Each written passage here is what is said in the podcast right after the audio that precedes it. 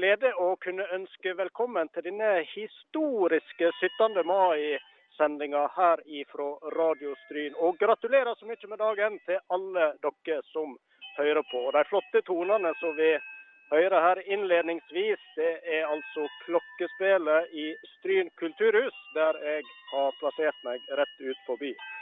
Og klokkespillet det var jo ei gave som var gitt i 1958 av han pastor Rasmus Mæland i forbindelse med åpninga av Stryn omsorgssenter. Og vi kan jo nevne Han tok turen helt fra USA, der han bodde, og tilbake til heimbygda Stryn, eh, selv om han var 90 år gammel, for å få med seg første gang det ble spilt på dette klokkespillet. Og eh, så eh, er det jo sånn da at klokkespillet har blitt brukt jevnt og trutt nesten hvert år siden den tid. Jeg tror det bare er tre år en ikke har hatt klokkespillet i bruk på 17. mai. Jeg heter forresten Roy Aron Brenvik Myklebust og skal være med dere i denne fire timer lange sendinga. Men jeg er ikke helt alene, for med meg i studio der sitter Bengt uh, Flaten. Gratulerer med dagen til deg òg. Er du klar for ei maratonsending i dag? Gratulerer med dagen. Ja, vi er klare for en skikkelig maratonsending. Historisk sending fra Radio Stryn. Det gleder vi oss til. Det høres veldig bra ut. Og du som sitter med litt eh, papir foran deg, du kan sikkert eh, gi lytterne noen smakebiter på hva det er de har i vente i løpet av disse timene fram til klokka to. Det kan jeg, vet du. Vi skal rett og slett gi en skikkelig god miks av eh, alle 17. mai-tradisjoner, bortsett fra å spise pølse og is. Eh, men alt som skjer på 17. mai, det skal vi få med oss gjennom denne sendinga.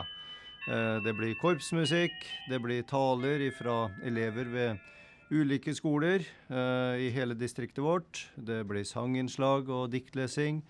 Det blir humorinnslag. Vi skal ha en gjest i studio. Vi skal ha rapportering fra MCAR-parade i Stryn og brannbilparade i Håndalen. Og ikke minst så skal vi møte Mona og Mathias Grede eh, litt ut i sendinga. De har opplevd en annerledes 17. Eh, mai-feiring også tidligere. Så de kan fortelle om både fra før krigen, under krigen og nå.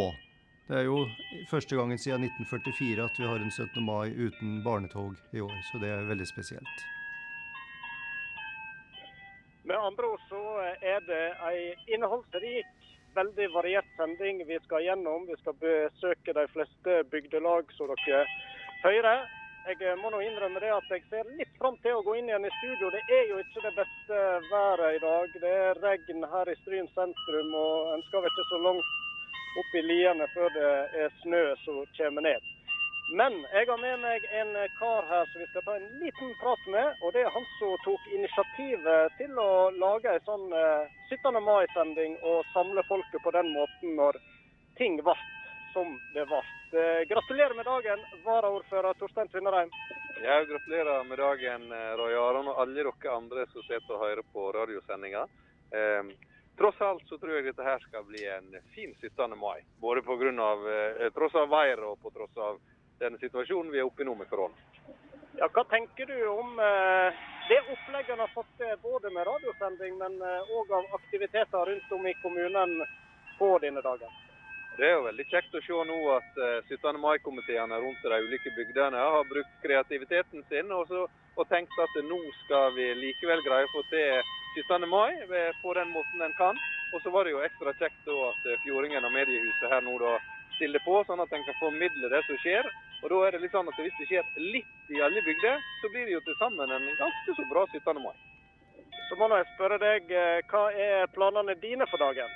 Planene våre for dagen det er at nå skal vi hjem igjen og ha litt sånn her eh, brunsjmåltid. Eh, og så eh, har vi rett og slett eh, tenkt å ta med ungene. Jeg har jo småunger. Og så skal vi gå et lite privat 17. mai-tog i byggefeltet. Det har jeg gleda seg til og øvd på sanger. Og så eh, skal vi ha familiemiddag utover. Og så skal vi høre på Radio Stryn, og så skal vi se på det som skjer i, her i Stryn sentrum. Det blir jo her vi blir. Så, så litt sånn bilkortesje, få med seg det som uh, skjer av, uh, av, litt korps og sånn. Så det blir, det blir kjekt. Så Radio Stryn i bakgrunnen og familie. Det er liksom planen for dagen. da.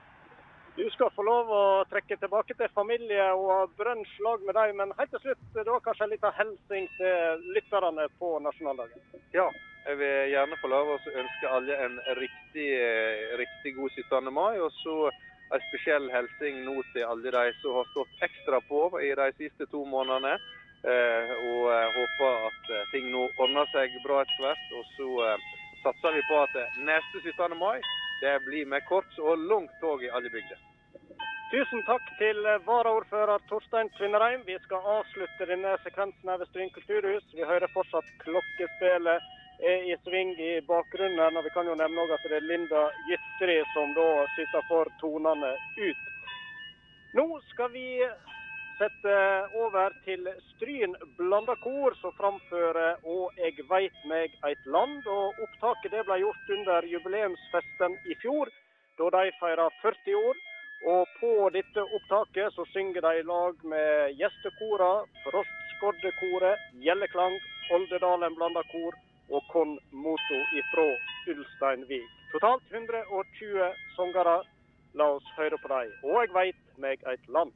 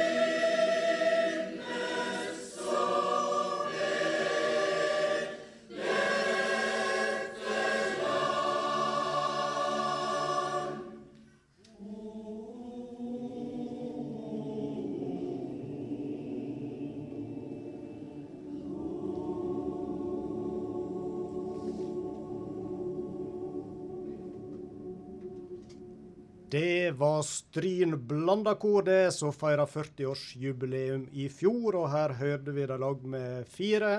Gjestekor, synge og eg veit meg et land. Vakkert, vakkert, Bengt Flaten. Det var vakkert. Det var høytidsstemt, som det skal være på en sånn dag. Absolutt. Der eh, kom iallfall eh, stemninga hos meg 17. Eh, mai og nasjonaldag.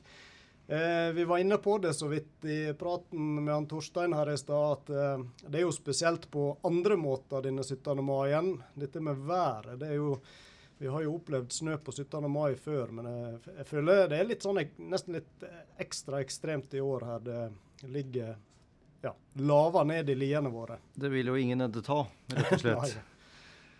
Og der eh, er det jo eh, sånn at eh, lytterne våre òg fanger jo opp dette her. Vi har fått inn flere bilder allerede fra det er både flott pynta snømenn med, med, norske flagg som står ute i hagene. og så blir det vel faktisk òg kjørt opp skiløype i dag, har jeg fått med meg. Ja da. Fikk melding nå med bilde av flaggpynta tråkkemaskin i Håndalen. Og det ryktes at Stulepestryn også har kjørt opp løyper i dag. Sånn at uh, her er det mulig å gå i 17. mai-tog i skiløypa. Det er, har aldri skjedd før. Altså Det går an å gå på ski på 17. mai, det hadde jeg gjort før, men det har nok aldri skjedd før at det er kjørt opp uh, spor. Og det er mye snø oppe i høyden. Ja. Så. så der er ei uh, oppfordring for de som ennå ikke har pakka vekk skia, så er det faktisk mulig å få seg en fin skitur, kanskje på tampen av dagen. Og så kan vi nå oppfordre da andre om å Send inn bilde om ikke dere er ute på ski, så vil vi jo gjerne ha litt glimt ifra denne litt annerledes eh, nasjonaldagsfeiringa. Så det må dere gjerne sende inn til Fjordingen. Og eh, da har vi ei e-postadresse som er fin å bruke. Redaksjon alfakrøll fjordingen.no. Ja. ja. Så da er den oppfordringa gitt. Nå skal vi ha litt mer eh, høgtid i grunn. Vi er så heldige og har fått eh, ordfører i Stryn, Per Kjøllesdal, til å sende ei hilsen gi ei lita tale på nasjonaldagen til innbyggerne i Stryn. Og så er jo han eh, utviker, som vi vet, så da kan vi jo si at den uh, hilsinga kommer ifra Utvik. Så da gir vi lufta til ordfører Per Kjøllesdal. Gode stryninger, gratulerer med dagen. Dette er en svært annerledes 17. mai enn vi er vane med. Det meste av det vi vanligvis gjør, er ikke lov i dag. Smittevern og avstand preger både hverdag og helg, og det setter et sterkt preg på feiringa i dag. Dagen er først og fremst ungene sin dag. Is og brus blir det noe råd med i år òg, men barnetog og leker blir verre. Men kjenner jeg styrningene rett, vil nok alle få ei fin og trivelig feiring rundt om i hele kommunen. Tida etter at det meste stoppa opp den 12. mars, har vist at folk her er rolige og sindige og takler det meste. Det er det beste utgangspunktet en kan ha for å komme seg gjennom vanskelige tider. Jeg vil nytte dette høvet til å takke hver enkelt av dere for den jobben de har gjort og den lojaliteten de har vist. Det har vært og er store utfordringer for mange. Alle ser den enorme innsatsen som har vært lagt ned i helsevesenet, på skolene og i barnehagene, men det har vært vanskelig også for mange andre. Mange har måttet sette livsverket sitt på pause, enten det er frisørsalong, fysioterapeut eller et hotell, og mange butikker har måttet stenge. Men med den innstillinga de har synt denne tida, takler vi det meste. Det er rett og slett imponerende. Så må ikke vi glemme at det går rett vei. Vi kommer gjennom dette, og vi skal leve normalt igjen. Fram til det vil jeg oppmode alle til fremdeles å være like lojale til den nye koronagrunnlova som de har vært så langt. Vask hender, holdt avstand og være hjemme når de er syke. Jeg veit at mange er urolige og redde for det vi opplever nå. Det er lett å forstå, men vi lever i et trygt samfunn. Noen farer vil, vil vi alltid måtte leve med, men vi må ikke bli så redde for dø at vi glemmer å, å leve. Eller som den svenske lyrikeren Stig Johansson sa det, fritt omsett til utvikisk Ikke visste jeg at alle de dagene som kom og gikk, var livet. For vi har veldig mye å glede oss over. Norge er verdens beste land å leve i, takket være Eidsvoll, Grunnlova, det demokratiske styret vi etter hvert fikk, og alle naturressursene vi er velsigna med. Vi er i tillegg stryninger, og Stryn er siden vi nå er beskjedne, en av de beste stedene i landet å bo. Vi har en flott natur med mange ressurser, flinke og foretaksomme folk, og en lang tradisjon for å stole på egne krefter. Men kommunen vår er ikke så god at den ikke kan bli bedre. Vi kan bruke det vi nå går igjennom til å gjøre Stryn til en enda bedre plass å leve. Da må vi bli enda bedre på å bygge et lag. Det må bli mindre oss og de, og mer vi. Jeg innleder med å gratulere alle stryninger med dagen. Selv om jeg alltid har vært og alltid vil være utviker, er jeg òg stryning. Det samme gjelder innvikarer, Olderøld, Øldedøle osv. rundt hele fjorden. Vi har alle en identitet knyttet til plassen vi bor, men vi er òg stryninger. Det er dette laget vi stadig må gjøre bedre, og skal vi lykkes med det, må vi se og utvikle hele kommunen. Vi har med andre ord all mulig grunn til å feire 17. mai i år. Kanskje mer grunn i år enn mange andre år. Jeg håper derfor at alle blir med og synger nasjonalsangen klokka ett.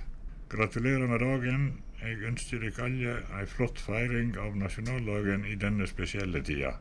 Ta vare på hverandre og vis solidaritet. Takk for meg. Fine ord med på dagen der ifra ordfører Per Kjøllesdal.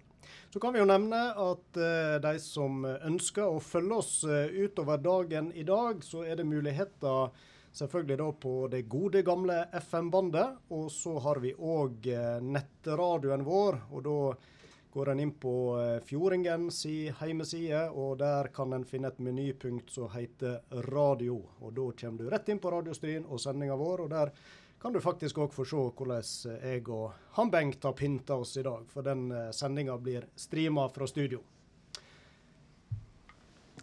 Ja, det er sant som det er sagt. Nå skal vi gå videre i programmet. Nå skal vi til uh, Håndalen og ta et av de første tradisjonelle innslagene som pleier å være på en 17. mai. Det er uh, sjette klasse som pleier å ha diktopplesing uh, utenfor omsorgssenteret. Uh, denne gangen så går det på Radio Stryn. de sjetteklassene de presenterer seg sjøl med navn. Så nå får vi høre hva de har på hjertet. Jeg heter Amalie Hartdalsvår, og jeg skal lese et 17. mai-dikt. Hipp hipp hurra, denne dagen blir bra. Vi vifter med flagget, rødt, hvitt og blått, det blir flott. Russen kjører rundt i bussen, vi tar is med et glis. Vi våkner om morgenen og hører en salutt. Nå er det slutt. Jeg våkner av en salutt, plutselig blir det slutt. Vi kommer til å bake. mm, det ble god kake. Så blir det fest, noen har på dress, mange leser dikt, for det er en plikt. Lese av Alida Vera Skoberstad. Hei, jeg heter Aksel Solitzer at du skal lese 17. mai-dikt. Hipp hipp hurra, i dag er det 17. mai. Jeg har hengt opp et flagg og tatt med meg fine plagg. Jeg sitter og hører på musikk mens søstera mi skyter et strekk. En halv dag med pølse og is, klart til å være et stort glis. Se flagget i rødt, hvitt og blått, det er også flott. 17. mai-dikt, lest av Liam Amani Ngaredøen. Vi har funnet fram fine plagg og heist gleden helt til topps. Og vi marsjerer jublende og sier hipp hipp hurra. Og det er bare jeg som går med flagg. På denne dagen vil vi feste hvor heldige vi er som bor i dette landet. På denne dagen vil vi ete både pølse og is, men ikke ris. Jeg heter Sokrates Stokland, og jeg skal framføre mitt 17. mai-dikt. I dag skal vi feire, i dag skal vi bake. Mange vil danse, og noen vil spise kake. På denne dagen spiser mange kjøtt, og ofte etterpå så smaker man noe søtt. Jeg klarer ikke å finne noe annet, så pølse. Jeg heter Thea Emilie Holebakke, og jeg skal lese et 17. mai-dikt. På 17. mai går vi med fine plagg, og vi vifter med et 17. mai-flagg. Jeg heter pølse dagen lang mens jeg synger på 17. mai-sang. På 17. mai bruker noen å drille, mens andre bruker ofte å grille. Jeg heter masse is, og når jeg vifta med flagget, fikk jeg flis. Jeg er Joakim Svarstad Espe, og jeg skal lese et 17. mai-dikt. Hipp hipp hurra, dette året blir ikke like bra.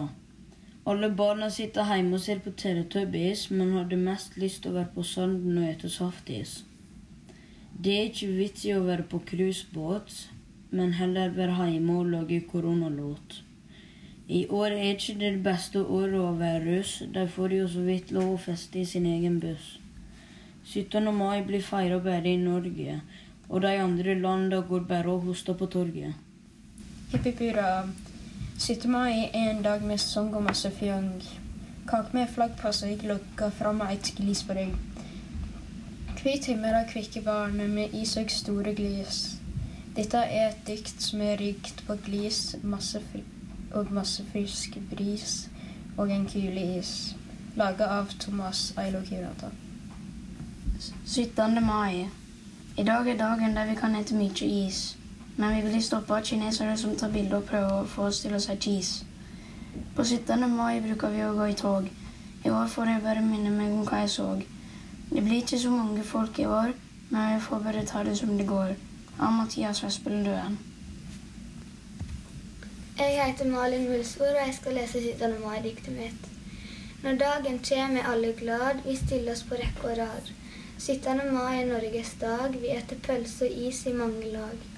Sang og dans hele dagen, som et blir i hele magen.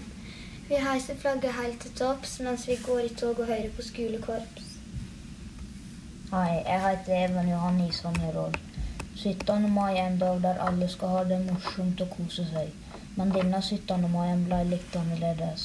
På 17. mai pleier man å spise is og pølse, men det er ble nasjonaldagen til Norge. Og alle pynter seg i de fineste klærne og går i tog og vifter med flaggene sine. Og mange pleier å heise opp flagg hjemme. Jeg heter Gabriel Frøysa, og jeg skal framføre diktet mitt. Hipp hipp hurra, jeg er så glad. Det er 17. mai, og jeg elsker det. Og ingen kan gjøre noe med det. Jeg heter is og ikke ris. Flagget er rødt, hvitt og blått. Jeg trodde det var grønt, hvitt og blått. Hester, sauer, kyr og alle andre dyr jubler, og jeg synes det er bra. Det jeg synes er dumt, er at vi ikke kan gå i tog, og derfor tvinger mamma meg til å gå til en fjellskog. Jeg synes ikke jeg er bra, og da blir jeg ikke glad. Dette var mitt 17. mai-dikt, og jeg håper det blir likt. 17. mai-dikt av Oline Runde. 17. mai er flott, og det er rått. De fleste sitter hjemme og hører på sang dagen lang. 17. mai er egentlig ikke vits, så da trenger jeg ikke slipp. Korpset spiller iallfall en sang i de fleste byer i ditt land. I fjøsen er det en redd gris, og nå fikk jeg lykkes på en bris. Jeg synes det er veldig bra at alle roper hipp hipp hurra. Nå skal jeg ete en diger is i lag med en diger gris. Hei, jeg heter Kevin Evensen, og jeg skal lese mitt dikt. I år ble det litt annerledes 17. mai, men jeg kommer fortsatt til å glede meg. Brus, pølser, is og russekort. Denne dagen vil gå veldig fort. 17. mai, alles dag, og barna slipper skolefag. Hipp hurra, dette blir bra. Flaggstangen ser jeg allerede herifra. 17. mai i år ble nokså grei. Koronavirus, gå og legg deg.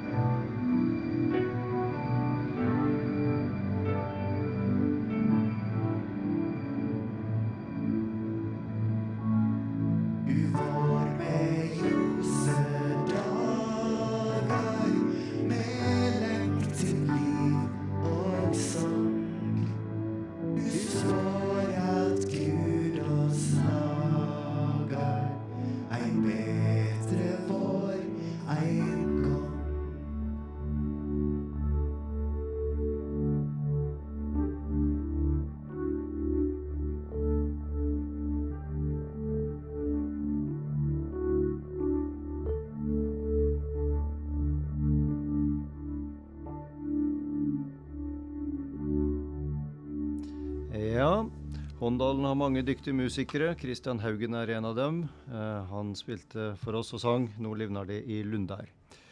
Uh, og så skal vi etter han nå høre 10. klasse sin uh, tale.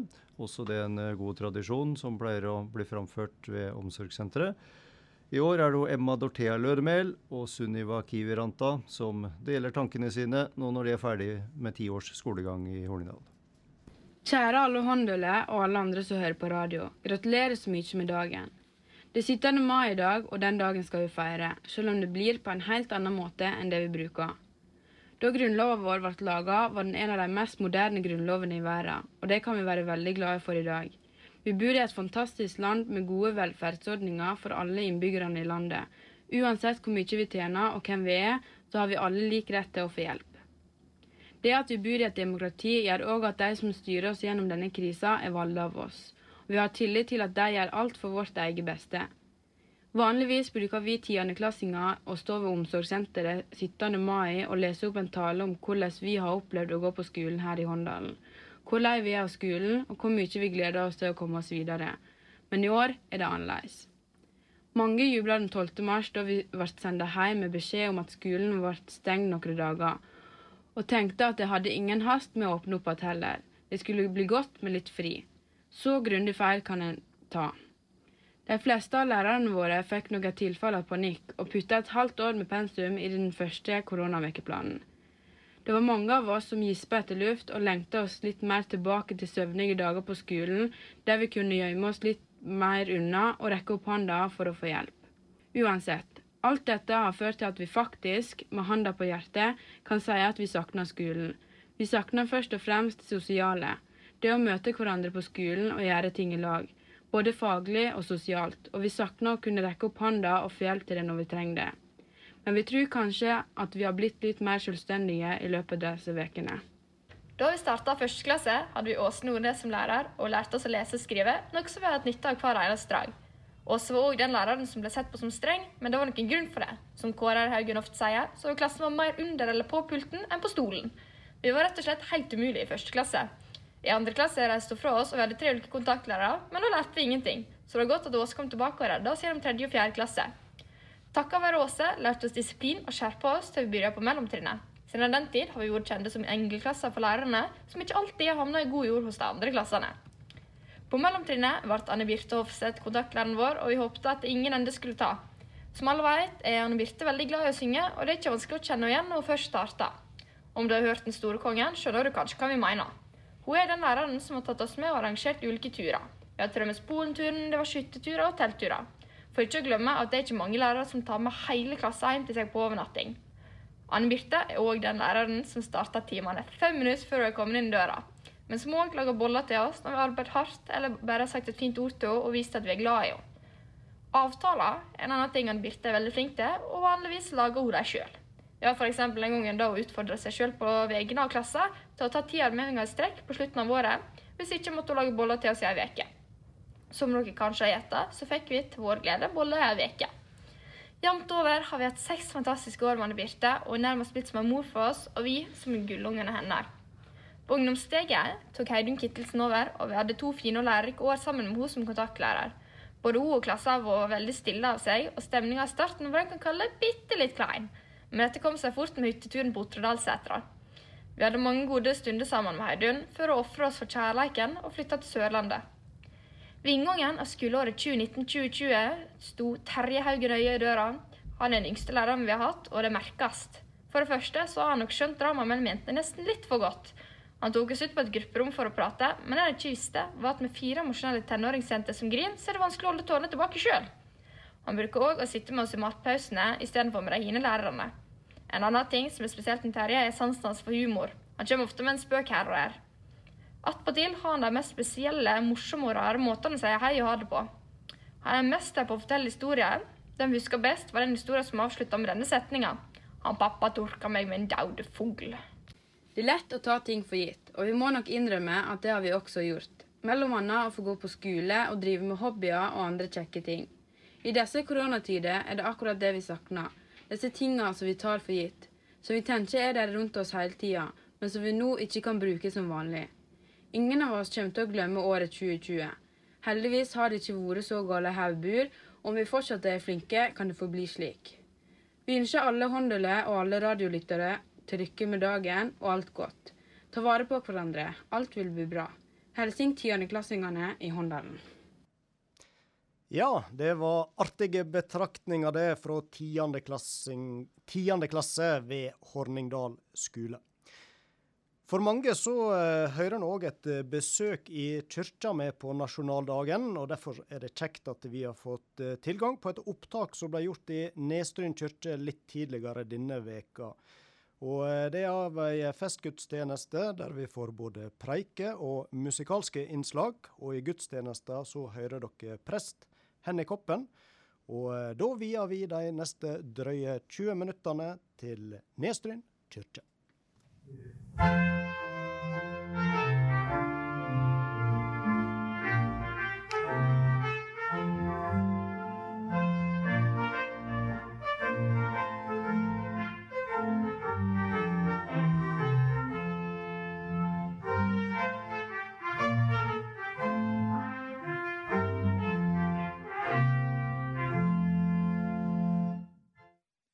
Gratulerer med dagen, og velkomne til gudstjeneste sammen med oss her i Nestryn kirke. Prest, klokker, organist og et lite kor. Vi feirer nasjonaldagen, Grunnlova og fridommen sammen med deg som ser på. God 17. mai til dere alle der dere er.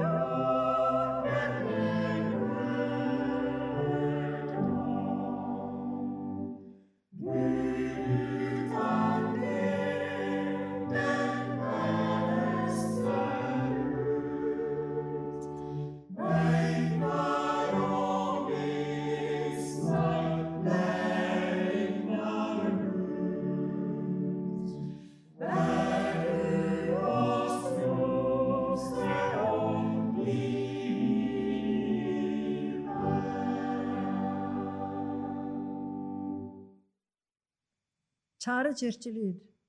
Nåde være med dere, og fred fra Gud vår Far og Herren Jesus Kristus. La oss be.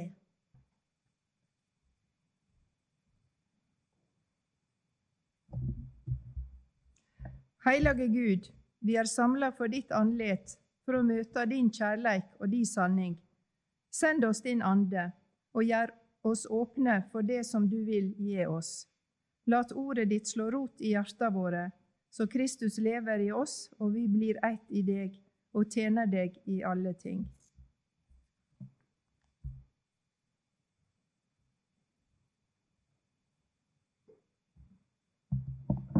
Vår Herre Jesus Kristus sier, du skal elske Herren din Gud av hele ditt hjerte, av hele din sjel og av alt ditt vet. Dette er det første og det største både. Men det er et annet som er like stort. Du skal elske nesten din som deg sjøl. La oss bøye oss for Gud og be om tilgivning. Hellige Gud, himmelske Far, se i nåde til meg, syndige menneske, som har såret deg med tanker, ord og gjerninger, og kjenner den vonde hug i hjertet mitt. For Jesu Kristi skyld, ha tål med meg, tilgjev meg alle mine synder, og gjev at jeg må ottast og elske eneste deg. Så høy som himmelen er over jorda, så veldig er Herrens miskunn over de som frykter Han. Og så langt som aust er fra vest, tek Han syndene våre bort ifra oss.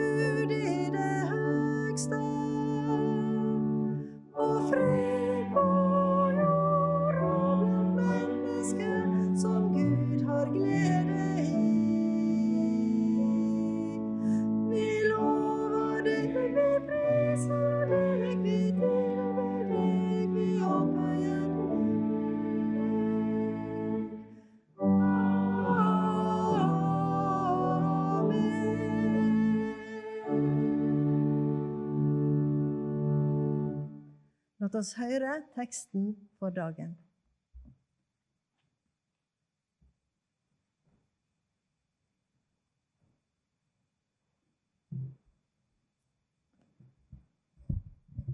En sang til festreisende av Salomo.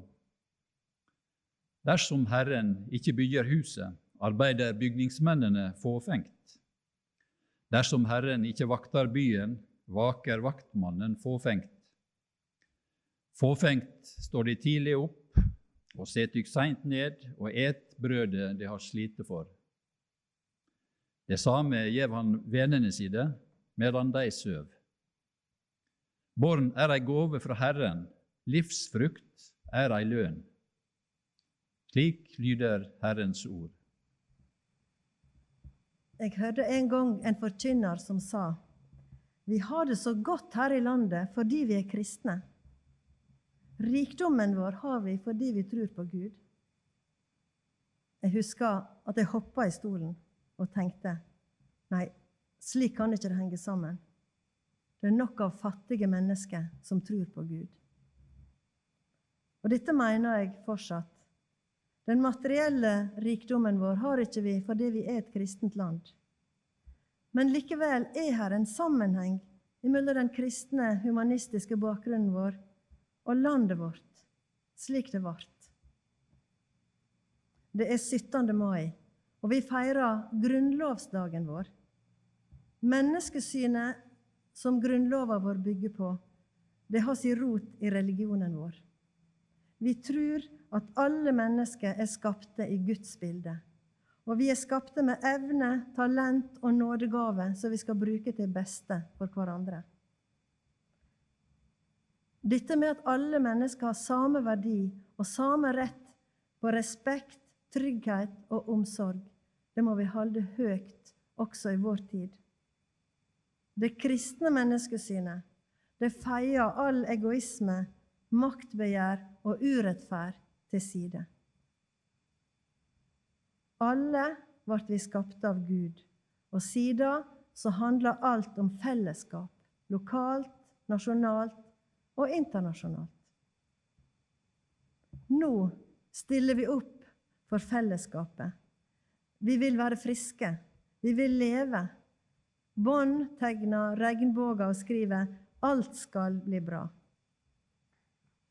Du husker fortellinga om Noah, som overlevde storflaumen ved å bygge seg en båt.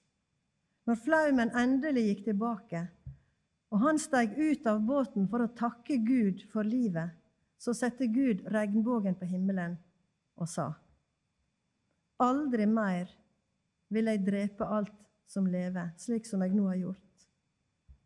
Så lenge jorda står, skal såtid og innhausting, kulde og hete, sommer og vinter, dag og natt aldri ta slutt.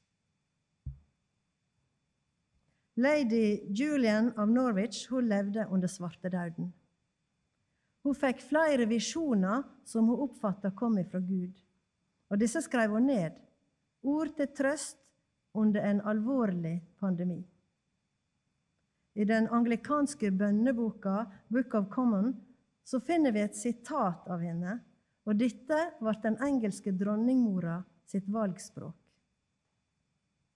Slik lyder det All things shall be well. All manner of things shall be well. Indeed, all things will be well. Alt skal bli bra. Og dette er den andre grunnen til at gudstrua gir mening og retning også i vår tid. Det er håp. Det fins ei høyere makt, en Gud som vil oss vel.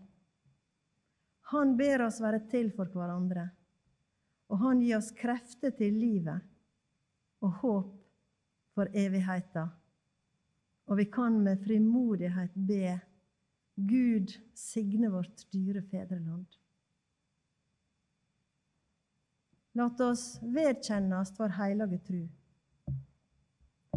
Jeg tror på Gud Fader, den allmektige, som skapte himmel og jord. Jeg tror på Jesus Kristus, Guds enbårne Sønn, vår Herre, som vart avla ved Den heilage Ande, født av Maria Møy, pint under Pontius Pilatus, vart krossfest, døde og vart gravlagd. For ned til dødsriket, sto opp fra de døde tredje dagen, for opp til himmelen, Sitt ved høyre handa åt Gud, den allmektige Fader, skal komme att derifra og døme levende og døde. Jeg trur på Den heilage ande, ei heilag allmenn kyrkje, et samfunn av de hellige, forlating for syndene, oppståda av lekamen og evig liv. Amen. Gud signe vårt dyre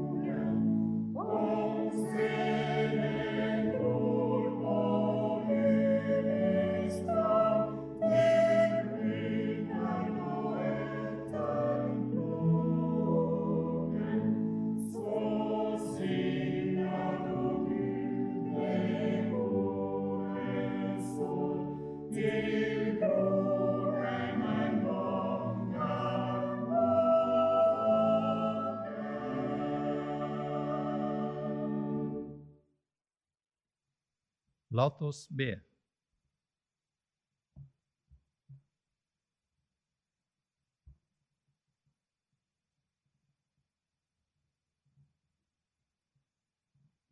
Vi ber for alle mennesker som er råka av krig og katastrofer. Vær nær dem og gi dem styrke til å klare hverdagene.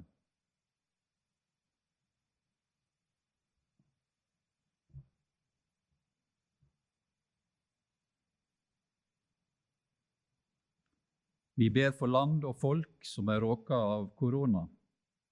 Hjelp oss alle å holde ut med de restriksjonene vi har, så verden kan bli frisk.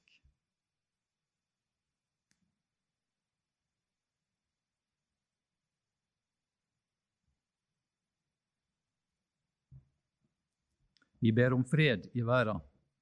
Vær nær de som tror på vold og terror, og gi dem nye tanker.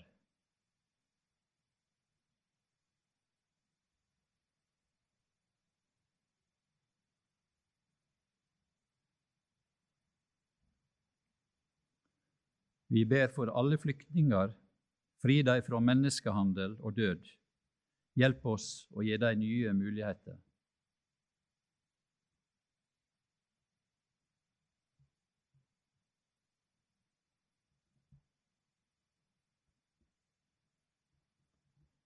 Vi ber for alle som trenger hjelp og støtte i vår bygd. Ensomme, utstøtte, syke, slitne. Hjelp oss til å ta ansvar. La oss be Herrens bønn. Vår Far i himmelen, la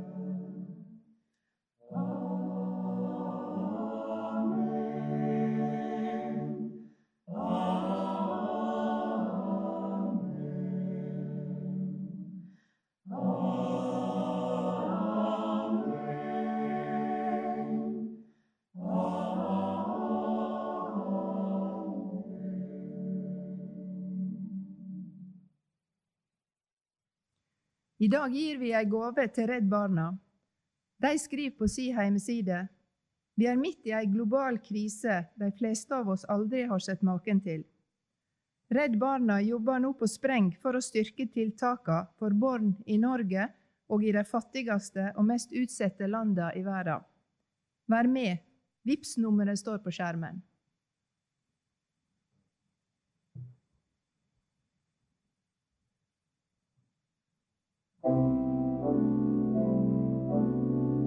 Oss Herren.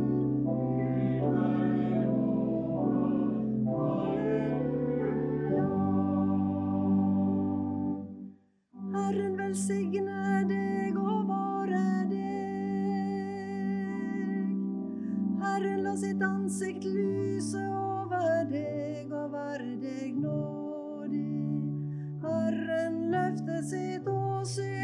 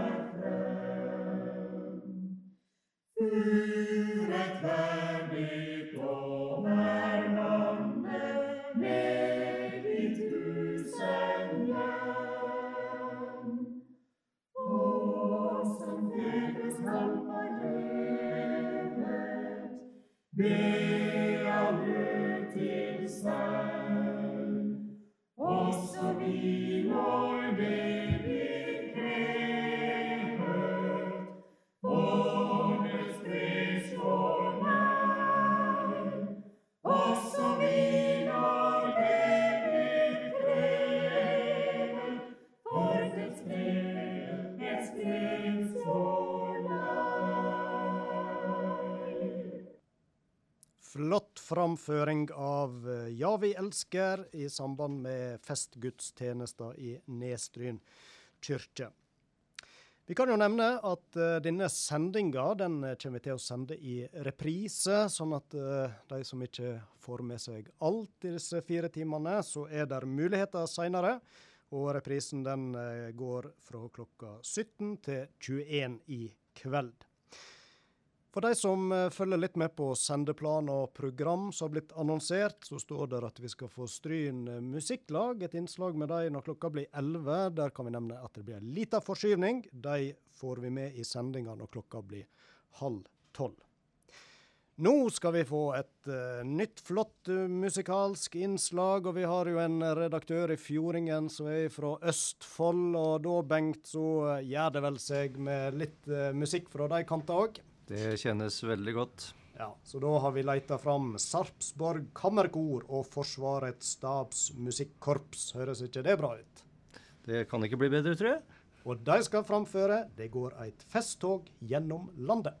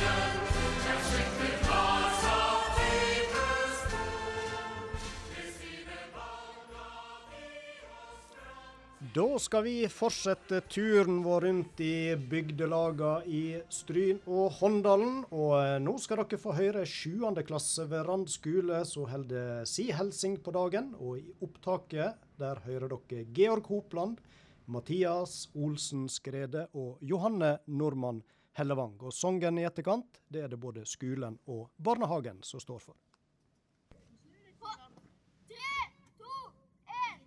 Tenk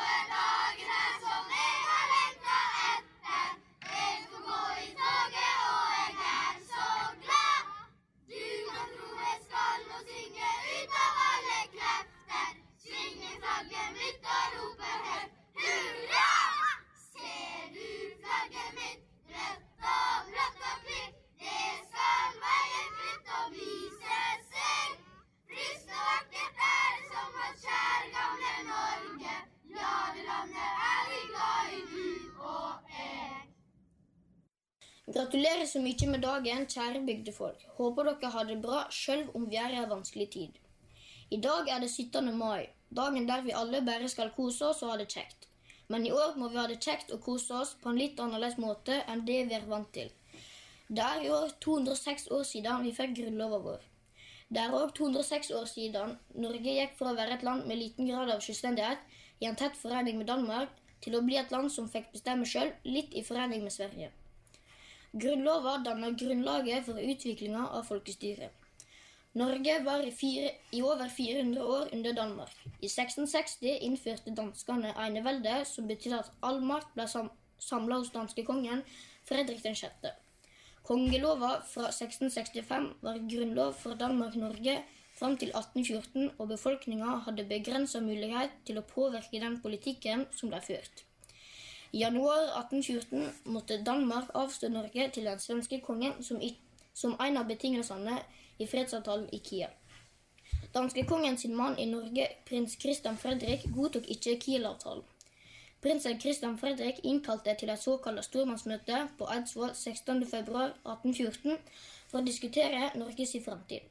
På, dette møtet ble man enige om at Fredrik 6. ikke hadde rett til å overdra folket til en annen konge. Dermed var suvereniteten gått tilbake til det norske folk, som sjølve kunne bestemme sin skjebne. Prins Christian Fredrik ble, fra, ble fraråda å hevde arverett til Norges trone og la seg utrope til konge. Stormennene ønska at en ny konge måtte bli valgt av folket. På møtet ble det bestemt at det skulle velges en forsamling som skulle gi landet en grunnlov, og deretter velge Christian Fredrik til konge. Tanken om folkets rett til å bestemme over seg sjølve hadde vunnet. Og som vi alle vet, ble vår kjære grunnlov undertegna 17. mai. 17. mai er en kjempeflott dag som jeg gleder meg til hvert år. Det er noe helt, helt spesielt det med å gå i kirka, gå i tog, ete rømmegrøt, holde tale og ha kjekke aktiviteter her i bygda vår. Det er noe jeg kommer til å savne mye i år, men jeg håper likevel at dere alle får en fin 17. mai videre. 17. mai er Norges nasjonaldag. Nasjonaldagen markeres mer i Norge enn det er vanlig i mange andre land. Annet med barnetog, mange sanger som nasjonalsangen 'Ja, vi elsker' og Fre Fedrelandssalmen er spesielt knytta til 17. mai. Med formann Christian Krogh i spissen avviste forslaget i 1824. Krogh ble deretter sett på som Grunnlovens redningsmann og fikk eget minnemerke, Krogh-støtten. I de første åra etter 1814 ble dagen bare feira noen steder. Det er historier og mye private festligheter, særlig Trondheim. Der kjøpmann Mattis Conrad Pettersen var en talsmann for at grunnlovsdagen burde feires som en høytidsdag. 17. mai-feiringa hadde i 1820-årene en, kla en klar undertone av en viss antisvensk holdning, og etter feiringa i 1825 advarte kongen embetsmennene mot å delta i noen feiring året etter. Det norske studentsamfunnet trosset offentlig kongens advarsler og gikk fram i kampen for 17. mai-feiring i hovedstaden. 17. mai er kjekt, for da kan jeg være, venner, være med venner, gå natursti, og da kan de voksne, voksne møte og prate og forskjellig. Det er veldig kjekt med 17. mai, og det blir en litt annerledes feiring i år, men jeg håper det kan bli en tradisjonell feiring neste år igjen. Vi må prøve å få det beste ut av feiringa i år. 17. mai blir kalt barnas dag fordi denne dagen feires med barnetog og musikkorps. Barnetoget på 17. mai er kjent for å ha masse glade gutter og jenter som går i tog. Men før var det bare guttene som fikk lov å gå i tog. Jenter fikk først lov å gå i 17. mai-tog i 1889. Guttene fikk lov å gå med flagg, mens jentene måtte gå med blomsterkrans. I 1956 fikk jenter begynne å spille i korps, og de fikk begynne å gå med flagg. Barnetoga går vanligvis rundt nærleken av en skole eller sentrum. Korpsa spiller 17. mai-sanger og vifter med norske flagg. Barna synger og roper hurra. Rundt om Norge er det masse forskjellige tradisjoner på Strømøy. Maten på Strømøy er noe av det viktigste av feiringa. På Strømøy eter man masse forskjellig mat fra de store byene til de små bygdene. Det er mat fra koldtbord til grømmegraut, imens andre eter grillmat. 17. mai for meg er den dagen i året jeg kan ete så mye is, pølse og kake som jeg vil. Når jeg våkner opp, går jeg ned, og da henger det alltid skjorte som vi skal bruke senere, som mamma har strykt. Etter litt drar jeg familien min og går i tog. Vanligvis går vi ned, i, ned til kirka i tog, men det gjorde vi ikke i fjor. Da gikk vi til grendahuset. Når vi kommer fram til grendahuset, leker vanligvis ungene på plassen, og de voksne snakker. Etter hvert går vi inn og setter oss. Så hører vi på tale.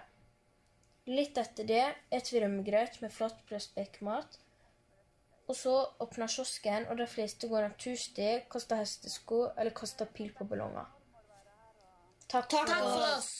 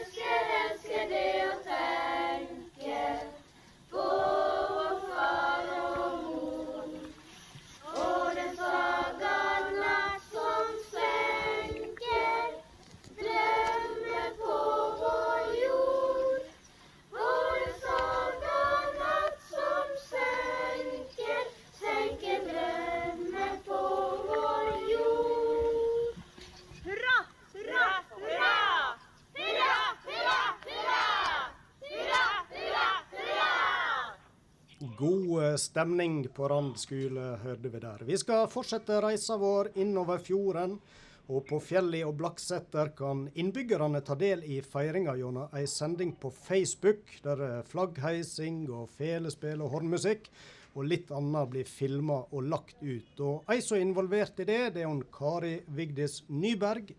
Gratulerer med dagen til deg. Gratulerer med dagen. Ja, hvis jeg har forstått det rett, så har dere vært i gang en stund allerede med feiringa ute på nordsida. Ja, her feirer vi eh, nå hver dag, da, men eh, litt ekstra i dag. Ja, men det er godt å høre. Hver dag er en fest. Sånn skal det være. Ja. Hva har dere gjort eh, så langt, da?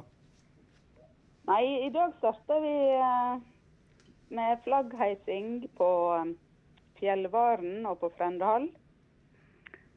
Og på eh, der stilte Arne på bøna, og han Elling og han Ingrid opp og spilte fele og munnspill. Og det var staselig. Ja. Skikkelig nasjonalromantisk, høres det ut som. Ja, det var det. I uh, Bekksaumara. ja. Og dette, kan du fortelle litt hvordan dere legger det opp? Eh, Blir det filma direkte, og så følger en det på Facebook, eller er det opptak, eller hvordan gjør dere det? Nei, ehm, vi har lurt veldig mye på hvordan vi skulle få til en 17. mai-feiring. eh, fordi at eh, ungene spesielt var veldig bekymra for at det ikke skulle skje noe. Så da fant vi ut i, i komiteen at vi ville prøve å ha ei Facebook-side. Um, først så hadde vi to komiteer, en på Blakseth og en i Fjelli. Eh, og så fant vi ut at eh, da kunne vi gjøre det ekstra staselig i år å slå oss i hop. Så vi filmer litt rundt omkring, og vi legger ut uh, ting som skjer, og konkurranser og bilrebus skal vi ha. Og så håper vi nå at eh, bygdefolket vil hjelpe til å legge ut det de driver med i løpet av dagen, sånn at vi kan få se hverandre. Ja, har, har dere fått litt hilsener på denne Facebook-sida fra nordsidere som heiser flagg og sender Det har vi fått. Det er nå noen få som har tørt seg ut på til nå, og vi håper at det skal smitte litt. Ja, så At det skal øke på utover. her kan de få sine 15 minutter i søkelyset. Lage en filmsnutt og legge ut. Ja, men Og begynne i trygge rammer blant bygdefolk. Ja, ikke sant. Eh, du nevnte bilrebus. Hvordan er dere legger opp det, da? På bilrebus da melder en seg på familier. Vi må prøve å passe på smittevernreglene. Så vi har sagt at eh, hver familie stiller i én bil. Og så melder de seg på og betaler en liten sum. Og så får de tilsendt et kart. Og da kjører de rundt i bygda og finner poster med ulike aktiviteter. Og så skal på hver post skal de finne en bokstav. Og det skal bli et løsningsord som en sender inn. Og så er det flotte premier til, som blir trukket ut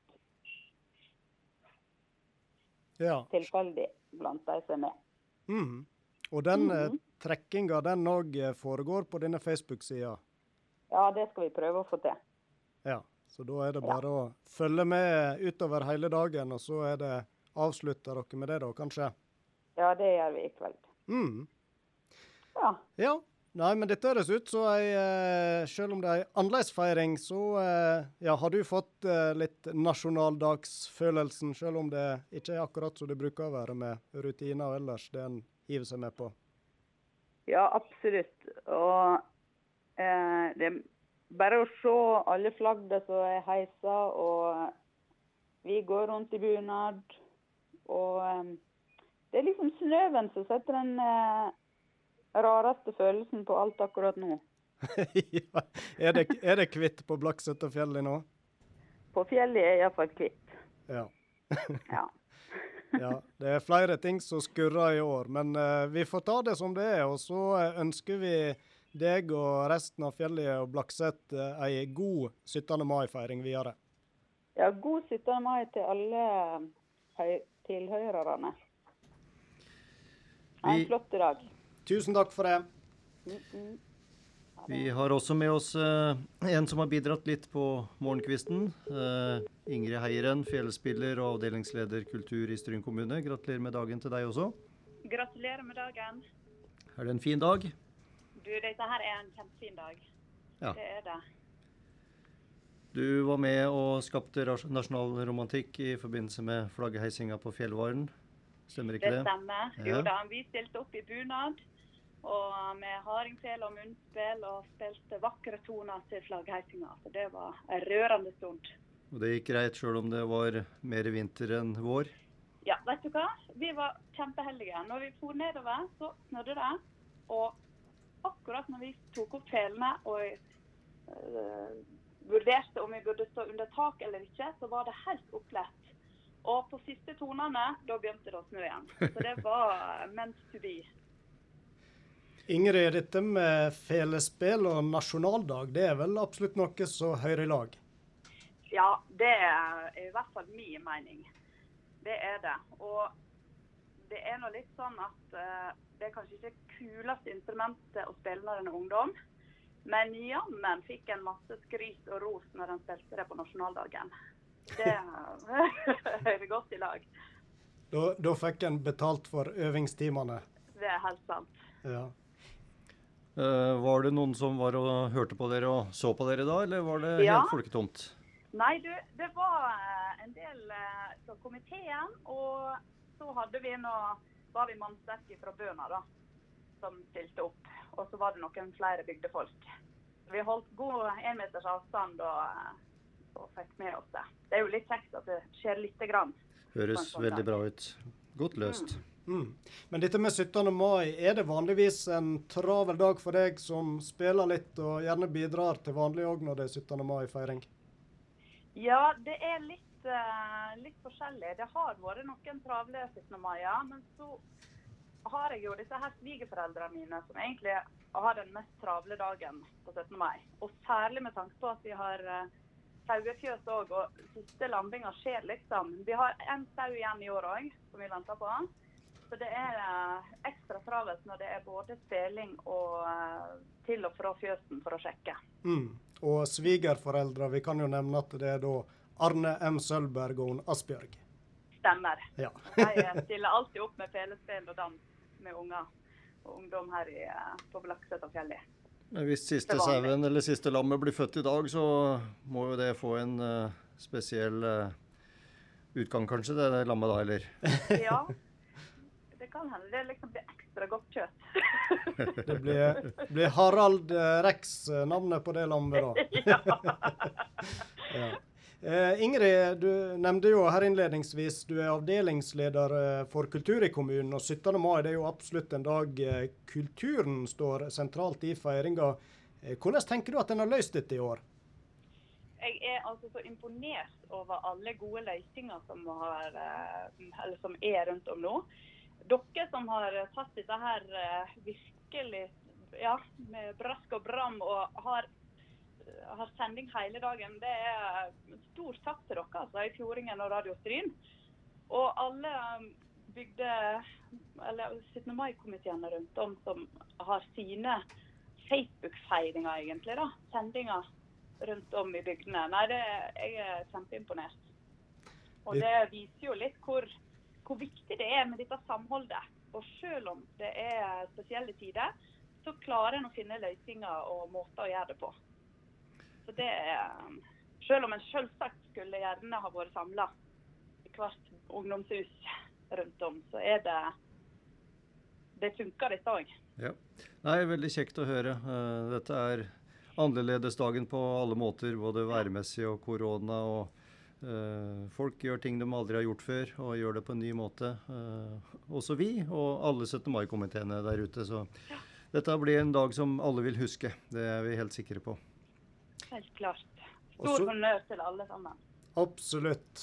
Og som du sier, takket være komiteene rundt om i bygdelagene, så hadde det iallfall ikke blitt noe sending her. Så vi eh, hiver oss på og skryter av dem. Og så eh, til slutt, Ingrid, siden du spiller fele, så har jeg bedt deg fint om du ikke kunne by på en liten sånn eh, nasjonalromantisk snutt der på tampen av praten med deg.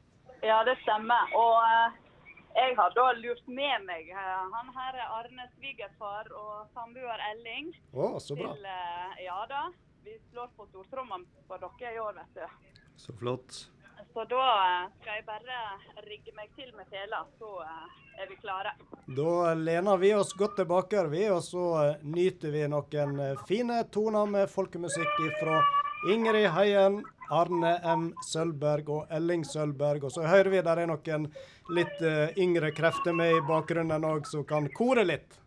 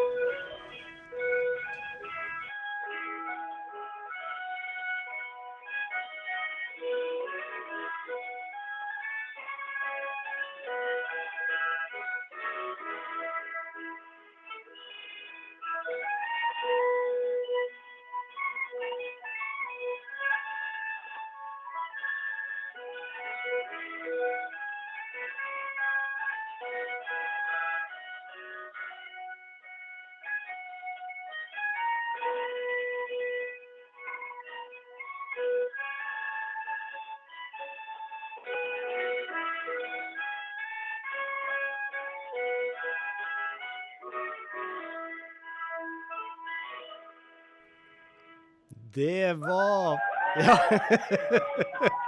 Flott jubel i stova heime på Bøna på Sølvberg med Ingrid Heien, Elling Sølvberg og Arne M. Sølvberg. Vi sier tusen takk eh, til deg for flott bidrag i sendinga. Vi skal holde oss litt på nordsida, for nå eh, skal vi bli eh, noe bedre kjent med det som kanskje er det minste korpset i kommunen Han Bernt Bent Rangvald Veddegjerde har laga denne reportasjen om Blakset hornmusikk.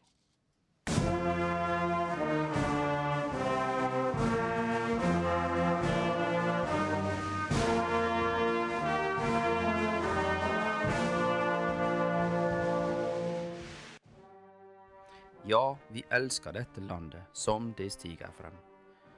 17. mai er i dag, og det er en dag vi nordmenn feirer mer enn noen andre land feirer sin nasjonaldag.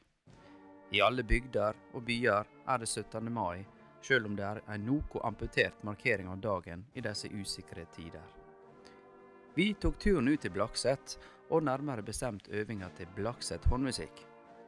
13 menn og kvinner med et aldersspenn på 50 år møtes hver veke på det vi kan kalle fleksidager. Dager som passer alt ettersom. De har nett begynt å øve igjen til 17. mai, og følger koronareglene så godt det lar seg gjøre. Det ville blitt stusslig uten å ha med håndmusikken på nasjonaldagen vår, så dette tykte vi at vi måtte gjøre noe med, sier de, og er godt samstemte. Det er nest siste øving, men nervene er ikke særlig synlige på noen av medlemmene. Det er mye standard som blir spilt på 17. mai, og siden det nå er lita tid igjen, så er det ikke tid til å prøve seg på de mer avanserte marsjene. Her er en av marsjene, Båstad Lundguttenes marsj.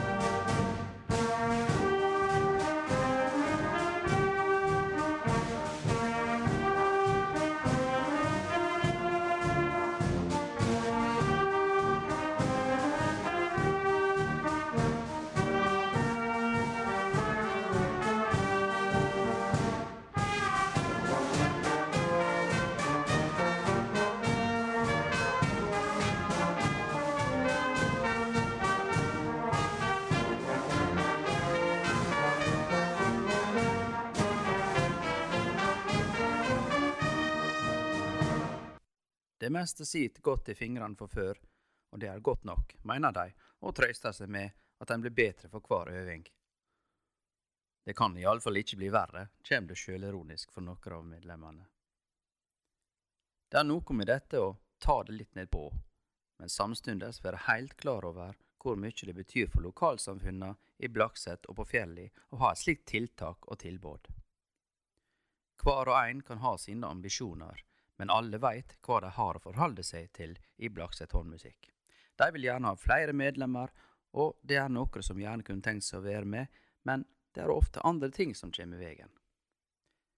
Vi har ikke dirigent, men vi har en slags musikalsk leder, om vi kan si det, fortell de, og legg til at de ikke for lenge siden dannet et musikkutvalg for å finne noter som var overkommelige og litt fengende.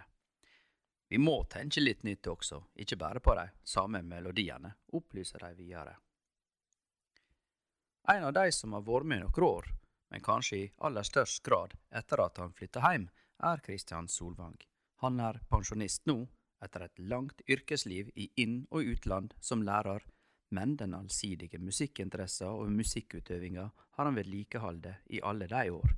Han forteller dette om Blakset håndmusikk. Vi fyller 65 år i år, og vi har eh, holdt på lenge. Da vi begynte i 55, da spilte vi i to bryllup. Og eh, det var en eh, læreren vår her ute, han Kåre Svanheim, og en som het Ola Blakseth, som hadde ideen å sette i gang. Og de samla inn penger, og det var et bygdemøte som bestemte at nå skulle Blakseth få håndmusikk. Men vi, ikke noe, vi er ikke noe elitekorps. Det var jo noe kurs om spilleteknikk. Det har vi hatt én gang, tror jeg. Ellers så har vi greid oss sjøl. Kristian fortalte mye om historia til eh, Blakset håndmusikk og eh, tidligere bragder. Vi lurte videre på hva planen var for feiringa eh, i år. Ja, vanligvis så har vi spela her fra kyrkja og ned til skolen. Og så har vi reist ut på fjellet etterpå, og så har vi gjerne spilt på festen om kvelden. Men i år blir det jo ikke slik, da. Nå skal vi spille opp med kyrkja og spille ned med sjøen nå her. Og så skal vi spille utover på Ulvedal og utover på fjellet.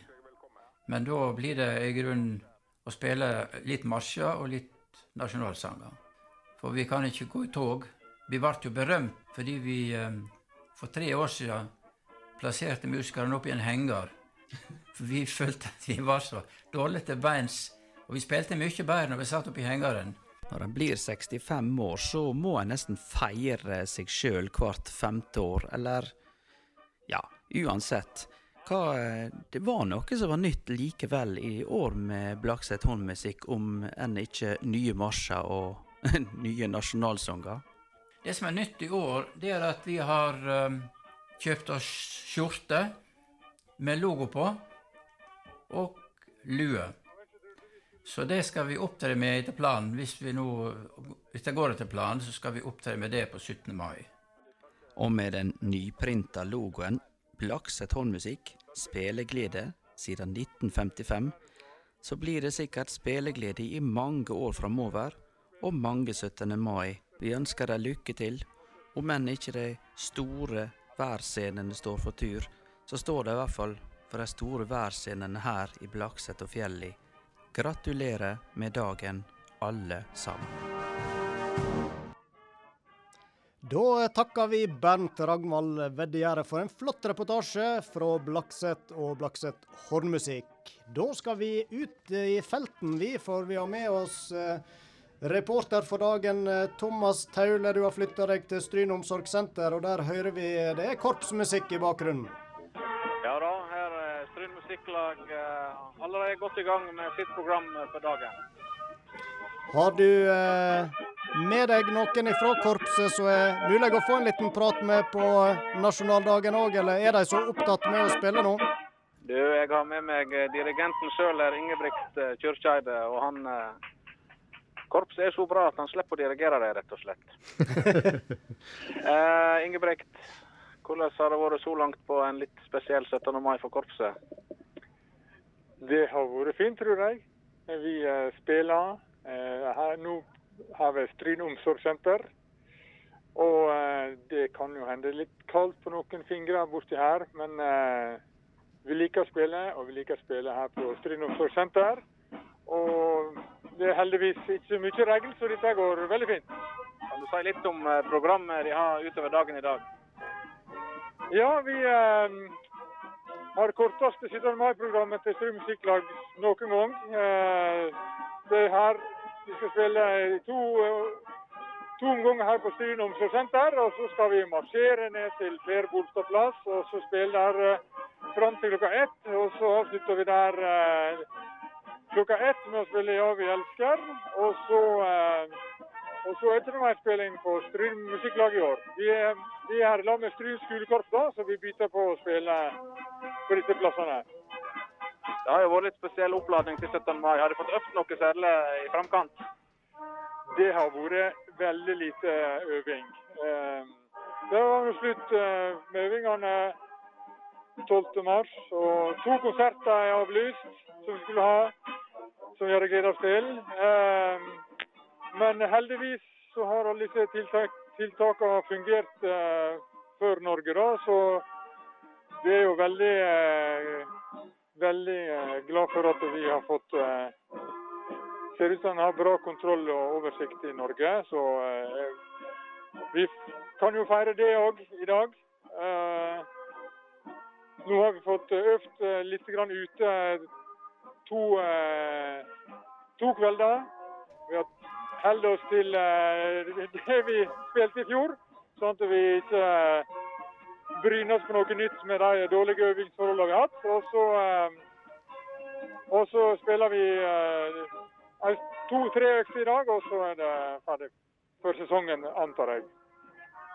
Og selv om det er en litt spesiell eh, 17. mai, der, så kan vi vel skrive under på her fra omsorgssenteret at Stryn musikklag og skolekorpset de, de syter for god stemning. Da sier vi takk til Ingebrigt og setter tilbake til studio. Tusen takk for den eh, rapporten, eh, Thomas eh, Taule. Og det høres ut som uh, beboere og andre bort med omsorgssenteret de får sin dose med Stryn musikklag i år òg. Kjempeflott. Da har vi fått vår første og for så vidt òg eneste gjest i studio i dag. Velkommen til deg, Endre Bø. Tusen hjertelig takk. Ja, vi kan jo starte med det litt mer eh, formelle. Du er vel leder da i eh, programkomiteen eh, i Stryn. Og det har nå kanskje blitt en litt roligere dag for deg òg enn det normalt sett ville vært? Det har vært en ganske grei jobb, det. Og spesielt etter at eh, mediehuset Fjordingen snudde seg rundt. Og jeg må bare si stor honnør til dem for det. Og kjøre 17. mai her på Radio Stryn. Og helt fantastisk. Så eh, har vi jo da Pyntekomiteen eh, har jo da blitt ekstremt stor i, i dag. Det var veldig surrealistisk å gå gjennom eh, Stryn sentrum nå i stad. Men du verden hva flott det var. Så, og det er nå for så vidt god plass i Stryn sentrum til å holde meteren, så jeg anbefaler alle å ta seg en tur gjennom gata. og Nydelig jobb med pyntinga, og så fikk jeg jo med meg musikklaget, så, vel, så for så vidt skal vel holde på en time til rundt i sentrum og ned på Per Bolstad plass. Jeg som kom eh, inn til Stryn fra Håndalen i dag, så var jo til og med at det var pynta på det blå, fine Stryneskiltet med flagg og bjørk. Så jeg følte meg velkommen. Det var flott. Ja, dere la vel alt inn på pynting i år, forsto jeg. Dere slo i hop alle komiteene til rydde, eller pynte- og ryddekomité. Det stemmer.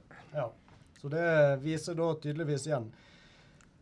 Dagen i dag da, Endre. Har du eh, mye tradisjoner du når det gjelder 17. mai, og hvordan er det du normalt sett eh, bruker å feire den? I eh, 43 av mine 45 leveår har jeg jo feira 17. mai i Stryn sentrum. Så det, det blir nok eh, litt eh, av det i dag òg. Det blir det. Eh, nå har jeg som sagt, så var det jo, eh, nå har jeg jo fått med meg litt av musikklaget. og Etterpå nå tenkte jeg skulle ned på Per Bolstad plass og høre der. Eh, selvfølgelig med Radio Stryn på øret, da. For eh, er nå en del eh, tale og interessante ting som er på programmet som kommer senere. Nei, og så er det nå eh, da eh, den vanlige familielunsjen utover dagen og Ja. Så eh, får vi se hvor det går. Det blir en spesiell eh, 17. mai, men det er godt å se at det var iallfall ikke noen nakne flaggstenger i sentrum i dag. Elevene dine på skolen, da, hvordan har de tatt uh, både budskapet om at det ikke blir vanlig 17. mai, og forberedelsene? Ja, jeg kan aldri få skryte nok av uh, barn og unge i Stryn. Det er jo bare helt fantastisk. De, de har håndtert det meget bra. Uh, Det er klart at litt skuffelse er det. Og som skolemann så er jo kanskje det som er den største skuffelsen min òg, det er jo at det ikke er barnetoget. Det er jo, det er jo på en måte høydepunktet på 17. mai. og det har, Også når jeg eh, gikk der sjøl som elev, men også som voksen. så... eh, og, og leikene og alt som hører med. Det er jo det som er liksom det triste. Men jeg håper at folk har eh, kjøpt rikelig med is, og at det ikke finnes begrensninger i heimene i dag. Mm. Siden du, Endre, det nå litt eh, roligere i eh, komiteen din med program, så eh, fikk jo vi glede av å bruke deg litt som en, eh, skal vi kalle deg, utegående reporter. Og der eh, har jo du møtt på litt forskjellige folk, eh, så vi kan jo ta og høre litt på det. Ja, jeg eh, står nå her i Stryn sentrum og eh, har tenkt å få, prøve å få et intervju med litt forskjellige folk. Og her ser jeg en som står framfor en bobil og eh, kan ta og prøve å høre litt her hva han gjør her i Stryn, og hva han syns om denne spesielle 17. mai-feiringa som er her i år. God dag. Mulig å få noen spørsmål? Ja, det kan du få. Jeg vil også si eh, til lykke med årbollsdag, som dere sier på, på 17. mai nå. Norge. Ja. Eh, hvem er du, og hva kommer du ifra? Jeg heter Gutter og kommer fra Düsseldorf. Jeg i- med i vånmobil, min, auto, min bobil, sammen med min kone Heike Beate her. Ja, Du snakker jo veldig godt norsk, hører jeg. Ja, Jeg har vært i Norge mange ganger før, også, men jeg har også lært meg masse norsk på Google Übersetzer. Ja. Eh, Hva er det du spesielt eh, tenker Det er jo en spesiell 17. mai i år. Hva? Jeg er veldig glad i 17. mai, ja. For det, at det, er, det er spesielt for meg å oppleve 17. mai. Jeg har ikke vært i Norge på 17. mai før, og jeg er spesielt interessert i dette barnetog. Du forstår at I Tyskland har vi ikke barnetog. Vi har mange tog. Vi har lokaltog, vi har ekspresstog, vi har transporttog, men vi har ikke barnetog. Så dette er Jeg gleder meg til å se på dem. Ja, nå, er det jo sånn at eh, i år så har vi jo ikke barnetog i Stryn. At vi ikke har Nei, vi har ikke barnetog. Har de ikke barnetog i Stryn? Nei, i år er er det jo faktisk ikke barnetog i hele Norge. Jeg har stått her siden halv fire i natt, og det, det er, men de kanskje kommer senere. De, de bruker å være presis. Eh, n- ja, men, men i, år, i år så er det jo veldig spesielt pga. Uh, koronavirus, så, så det er jo tiltak som Og da er det blant annet Kanskje har klokken, klokken halv fire, halv, klokken seks, kanskje? Nei. På ettermiddag? Nei, nei, her er ikke barnetog. Det er Barnetog. tiltak. Dette var eh, korona. Men det har ikke Hun har heller ikke fått med seg at det ikke er barnetog. Vi har reist en ganske vei fra Tyskland, og det er ikke barnetog. Nei, nei, i år er det ikke barnetog, så det, og derfor så er det jo en litt spesiell 17. mai for oss her i, i år. Ja, er, hvorfor er den så spesiell? Ja, Det er jo på grunn av koronaviruset. Har det korona i Norge? Eh, Ja. Også, vi har også i Tyskland, det er ikke bra. Men det er ingen barnetog? Nei, det er, det er ikke, ikke barnetog i år. Det, det, det, er, det er jo avlyst. eh, Nå, det det. Det var ikke Ingen barnetog, nei. Men hva, hva gjør man på 17. mai da? Nei, i, i år så har vi faktisk vi, vi skal jo, Det skal jo svære korpsmusikk eh, nede på den plassen her nede på det som vi kaller for Per Bolstad plass senere i dag. Og, Jeg forstår, ja. ja, og, og i stedet for barnetog så skal det faktisk være da en, en Amcar-parade. Der, eh, der det skal kjøre biler som kjører ruta som det barnetoget skulle ha gått. En parade med bil? Med Amcar-byer? Ja. Ja, det kan også være interessant. Hva, hva betyr Amcar? Det, er jo da amerikanske biler, da. Ah, jeg forstår. Ja, her, jeg har sett det er mye amerikanere her. og Jeg også jeg sitter store, eh, en stor restaurant som heter Eisenhower her borte. Ja, ja. Du, du, du tenker da på Isehaug, kanskje? Ja, da kanskje Isehaug. Jeg tenkte på Eisenhower, den store generalen i andre verden. Ja, ja, men det, det, er, det er historie. Ja. Ja, Uh, Isehaug, ja. Ja. Hva, hva ellers er det du tenker du skal gjøre her i Stryn og Nordfjord nå eh, på 17. mai? Det blir mye å fiske, og så var det dette med barnetog jeg var interessert i. Men eh, da blir det mer tid til fiske, vet du. Da, kjører vi med min bomobil opp i Lodalen, og så fisker vi masse istedenfor. Det, det får være. Så kommer vi tilbake neste år. Ja, ja, men da takker jeg for Auf Wiedersehen, vi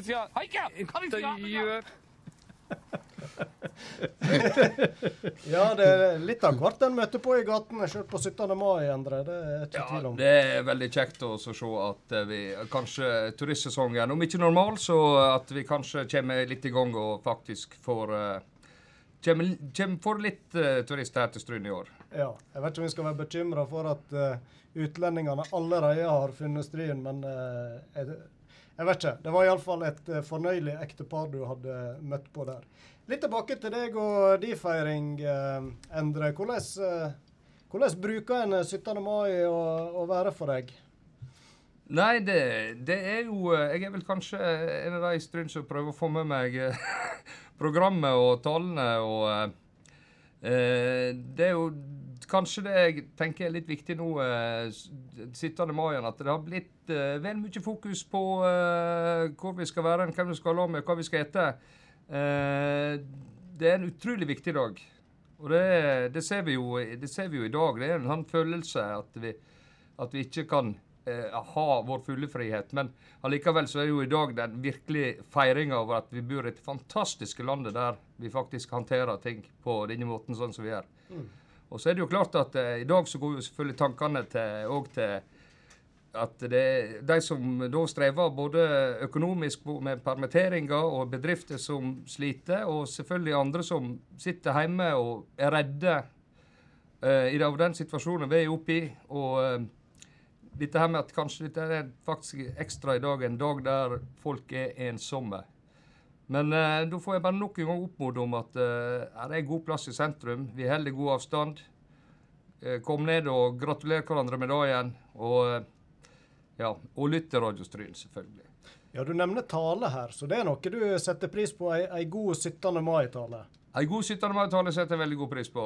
Og den eh, skal jo helst ikke være over sju minutter. Det, Er det den gyl- gylne regel? Det er den gylne regelen. Og, nei, men det er viktig også å tenke altså det, Vi tar ting veldig for gitt, syns jeg, eh, veldig ofte. Og det er jo det akkurat denne dagen at vi skal virkelig eh, feire og nyte det vi At vi er så heldige at vi bor eh, akkurat der vi bor. Det er jo helt fantastisk. Hva skal en god 17. mai-tale handle om da? Har du en oppskrift? Den skal vel handle om det som skjer akkurat nå. Tenker jeg. Eh, vi, begynner bli, vi begynner å bli flinke på 1814, og, og dette der, det, det kan vi nå veldig mye om. Og så tenker jeg òg at det er veldig viktig at vi har eh, litt lokale perspektiv, men også at vi må òg løfte blikket litt utover og eh, se hva som skjer rundt oss. Og det er jo uh, utrolig viktig. Det er jo samme som at uh, Det viktigste er selvfølgelig at vi leser Fjordingen, men vi må switche innover nasjonale avisene òg. Få med oss hva som skjer i verden. Har du- perspektiv. Mm. Har du hatt uh, glede og ære av å holde ei 17. mai-tale sjøl en gang? Du, det har jeg faktisk hatt. Det var det, det, Jeg kaller det æra, ja. Å holde 17. mai-tale. Det er jo vel det største en kan oppleve, tenker jeg. da. Sikkert etter at jeg har hatt sjøl, så tenker jeg det. Men uh, Nei da. Det, det har jeg hatt, og det var, det var veldig kjekt. Og eh, da får en jo virkelig sette seg ned og tenke på hva, hva er det en har lyst til å, å, å snakke om. Og hva er det en har lyst til å treffe folk med. Så noen budskap det må en ha.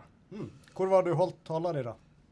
det, det, var, eh, det var i Strynehallen for uh, tre år siden, noe sånt, tror jeg. Fire år siden. Ja. Det har jeg. Og det var jo, eh, det var jo rett etter at eh, dette her med båtflyktningene var blitt eh, en stor sak.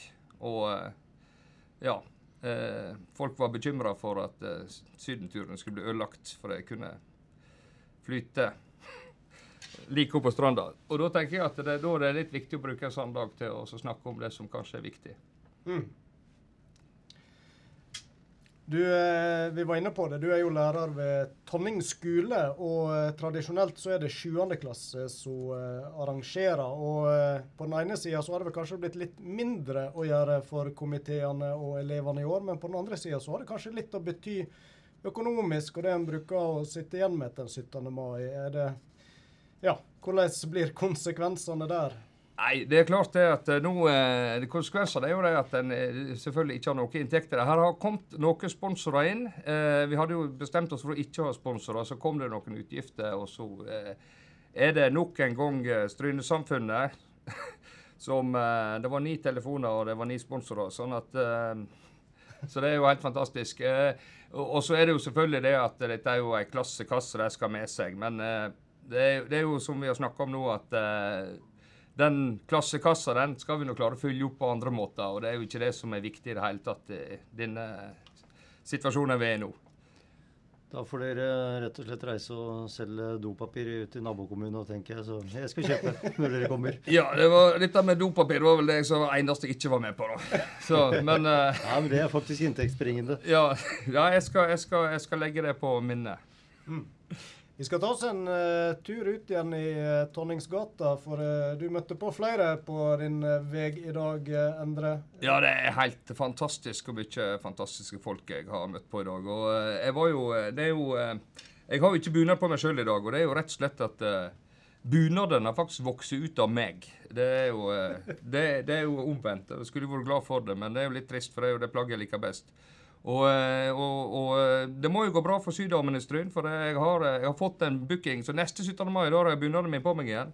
Men jeg møtte jo en kar med en helt annen bunad som jeg aldri har sett før, så jeg tenkte han måtte jeg ta en prat med.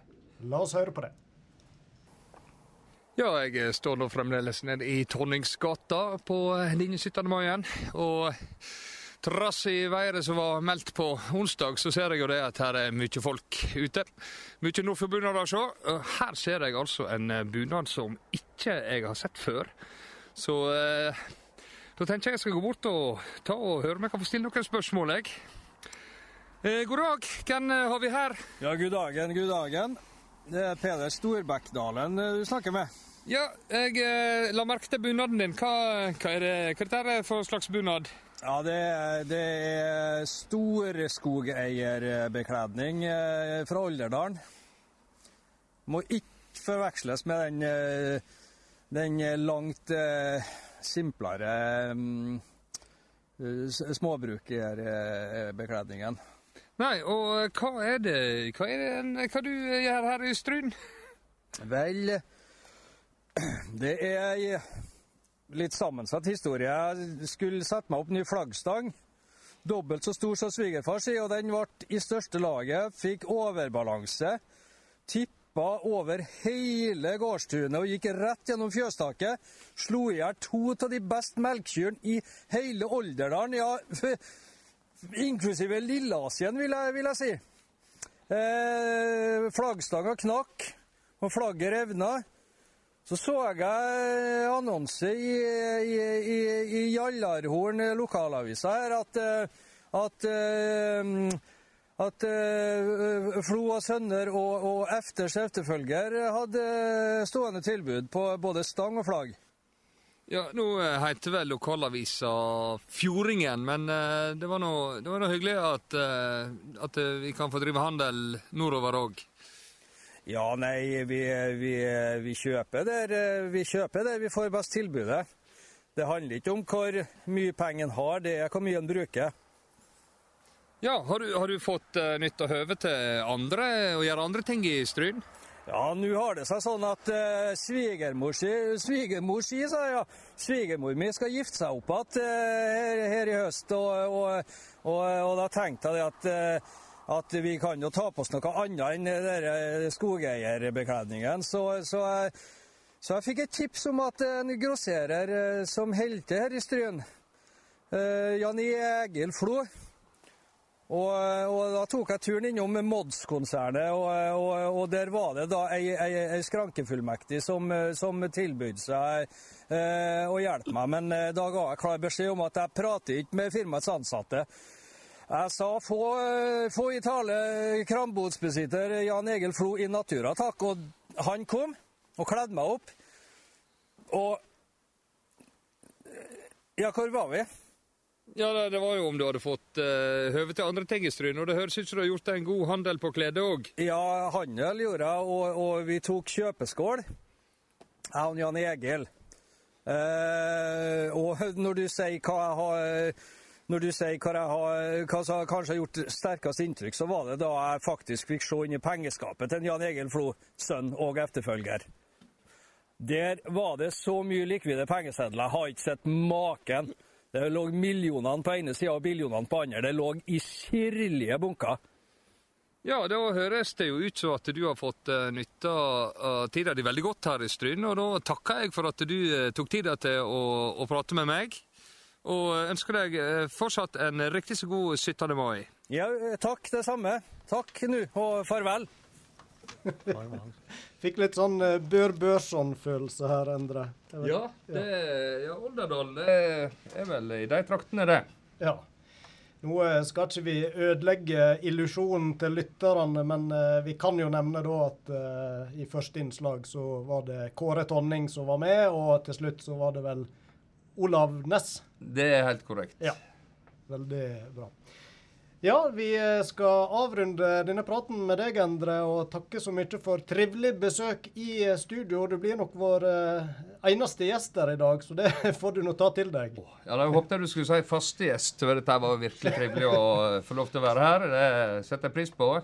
Eh, TV det er nok ikke noe format for meg, men radio altså, det tror jeg er mitt format. Ja, du Så- slapp nå- ikke helt unna TV heller. Vi er jo på kamera-streaming her òg, så Det- folk eh, ser hvor fint pynta du er med dress og slips. Ja, det var det. Jeg var veldig glad for at jeg ikke så skoene mine.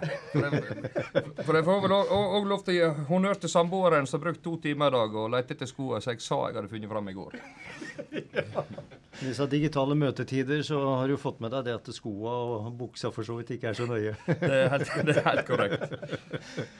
Kjapt til slutt, eh, hvor går eh, turen nå? Er det rett i brunsj, eller? Nei, nå, eh, nå er det Stryn musikklag eh, på Per Bolstadplass, og eh, selvfølgelig en kopp kaffe på Isehaug. Det er jo ikke det Eller, eller vertshus. Vi får se hva, det- hva, det, det, hva det er plass her. Nei, og så er det nå, så det nå selvfølgelig Så er det Amcar-klubben og russen håper jeg stiller på, som skal jo ha en eh, kortesje i Stryn, så jeg må få med meg programmet i sentrum før jeg eh, reiser går til mat. Ja. Frister det med en is i dag òg, eller sparer vi den til Det blir selvfølgelig både ja, Det blir alt som jeg ikke har godt av, og det er jo blant annet is. ja. Høres ut som en uh, relativt tradisjonell uh, 17. mai, og det er godt å høre. Da sier vi tusen takk til deg, uh, Endre Bø, for besøk i studio, og ha en fin 17. mai videre. Takk samme. Takk for at jeg fikk komme.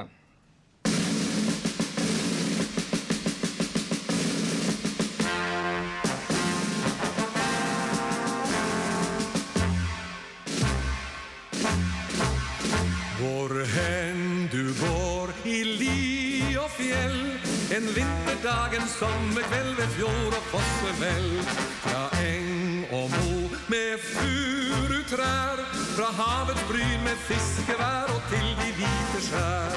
Møter du landet i trefarvet drakt Svøpt i et gjenskinn av flaggets varveprakt Ser litt som et bjerk opp i heien Rammer stripen av Mot den rødmalte stuen ved veien Det er flagget som veier i vind Ja, så vidt som det hvite er sted Og det røde har kveldssolen fått. Og det blå ga sin farve til breen. Det er Norge i rødt, hvitt og blått. En vårdag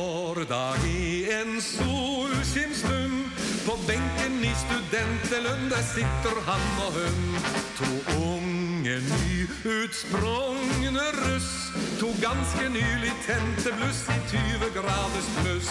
Hun er som en gryende forsommerdag Som fardes av gjenskinnet fra det norske flagg. Ja, så hvit som det hvite er solen og så rød som det rød hennes skinn.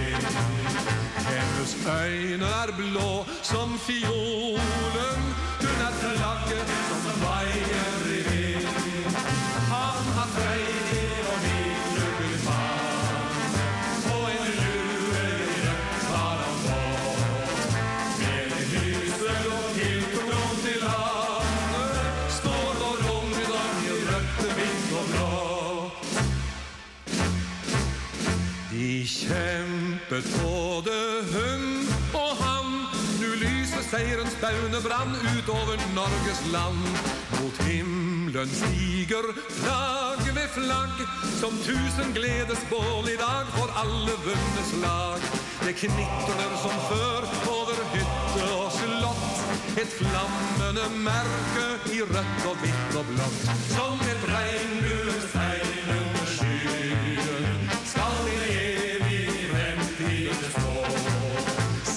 glitrer igjen over byen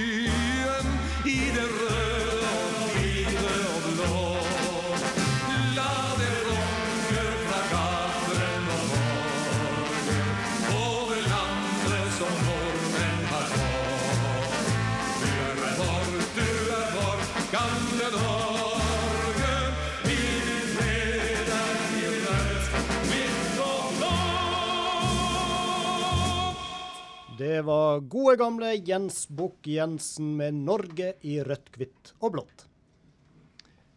Ja, og da kan vi ønske velkommen eh, til han Sverre Leivdal. Du er med oss nå fra kirka i Hornindal, stemmer ikke det, Sverre? Det er, vet du. Og, eh, god dag, forresten. Og gratulerer med dagen. God dag. Gratulerer med dagen. Både redaktøren og lytterne. Takk for det, og takk det samme. Hvordan har eh, dagen din vært eh, så langt? Du er jo både varaordfører i Volda kommune, som Hornindal nå er en del av, og du er med i 17. mai-komiteen, som helt sikkert har hatt et annerledes arbeid eh, før årets 17. mai. Det har vært annerledes, det må vi kunne si. Ja. Vi har jo prøvd å få til å skape en, en noenlunde normal 17. mai-feiring likevel, men det er klart det er vanskelig når vi ikke kan samles. Det er det. Så det blir jo i aller høyeste grad litt annerledes i dag. Du kan jo fortelle litt om eh, de første møtene dere hadde i 17. mai-komiteen, kanskje, og hvordan dere tenkte i starten, og hvordan eh, ting utvikla seg, eller? Ja, Vi så jo litt mørkt på det til å begynne med, for eh, vi visste jo ikke hvor det her skulle gå. Og hvis alt bare skulle avlyses og, og ikke bli noe av, så hadde det blitt fryktelig kjedelig. Men så var det jo noen som kom på en genial idé om å involvere ungene litt i barnehager og skoler. Det var jo Inger Marie som kom på det i 17. mai-komiteen, for å få pynte da, en brannbil bl.a. Ja. Der har jo ungene i etterkant vært i stor sving og jobba med det. Så det blir jo bra. Det blir flott. Så Det kommer vi tilbake til uh, by the way, som det heter på godt nynorsk Uh, litt Ja. senere i sendinga. Skal vi ha inn uh, brannbilkortesjen? Ellers så er det jo litt vanlige eh, Korpset har jo vært i aktivitet i dag allerede. De har vært rundt i bygda og spilt eh, på bakke allerede. Ja, jeg fikk et bilde nå fra Bakke hvor de står i skikkelig bra med snø og, og spiller. Sikkert. Jeg tror de var frosne og kalde etter den eh, økta der. Men nå har de fått varma seg opp og stilt seg opp her med bautaen. Vanligvis så bruker jo her å være fullt av folk eh, etter festgudstjenesten i kirka her i Håndalen. Men eh, nå i dag så er vi litt fåtallige. Det er et par eh, tilskuere. Men korpset er jo helt klar. Og vi har fått med oss Sol Alme og Truls Flom, som skal legge på krans på bautaen her nå snart. Og de er klar til innsats. Det høres veldig bra ut. For da bidrar de til å holde tradisjonen ved like i Hornindal, sjøl om, som du sier, det ikke var noen festgudstjeneste, og dermed heller ikke et stort publikum som det pleier å være. Men et par sjeler der, sa du at det er det? Ja da, visst det her er det. Her er et par tilskuere. Ikke om jeg skal få navnet, men O- Oline og Svein er her iallfall og uh, hører på. Og her er ja, flere, noen få som er her og hører på. Det er flott. Og eh, stiller opp i dag. Så det er jo bra. Det er jo kjekt. Oline Løvli eh, og Svein med Løvli. Ja, og Svein var jo primus motor for eh, 17. mai-salutten i Håndalen i mange år. Nå har han vel overlatt det til yngre krefter, men eh, et ektepar som har bidratt mye bra i bygda. Ja, helt rett. Er han Truls og hun Sol eh, klare da, så skal vi eh, sette i gang eh, dem med talen sin før kransepålegging. De er klar, og dem, eh, nå skal vi prøve å komme litt bort her med mikrofonen, sånn at jeg prøver å få til litt avstand òg. Vær så god. Sol starter først. Gode Håndøle, gratulerer med dagen. 17. mai er ikke bare grunnlovsdagen vår, men også nasjonaldagen og fridomsdagen til nasjonen Norge. Vi som er unge i dag, slik som vi i 9. klasse, har alltid opplevd Norge som et fritt og selvstendig land. Men vi vet at det ikke alltid har vært slik. Markeringa her ved minnesmerket over de falne håndølene fra andre verdenskrig minner oss om det. Det er nå 80 år siden det tyske overfallet på landet vårt den 9. april 1940. De fem lange krigsåra fram til 1945 vil for alltid bli huska i historien vår. Mange reiste seg til kamp mot overfallsmennene. Her i bygda, over hele landet, i utlandet og ikke minst i den norske handelsflåten.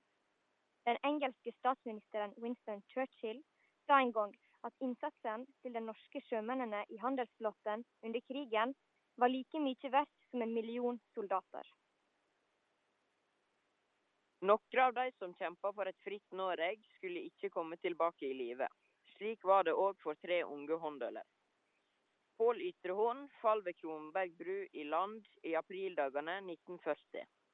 Han ble senere gravlagt her på kirkegården.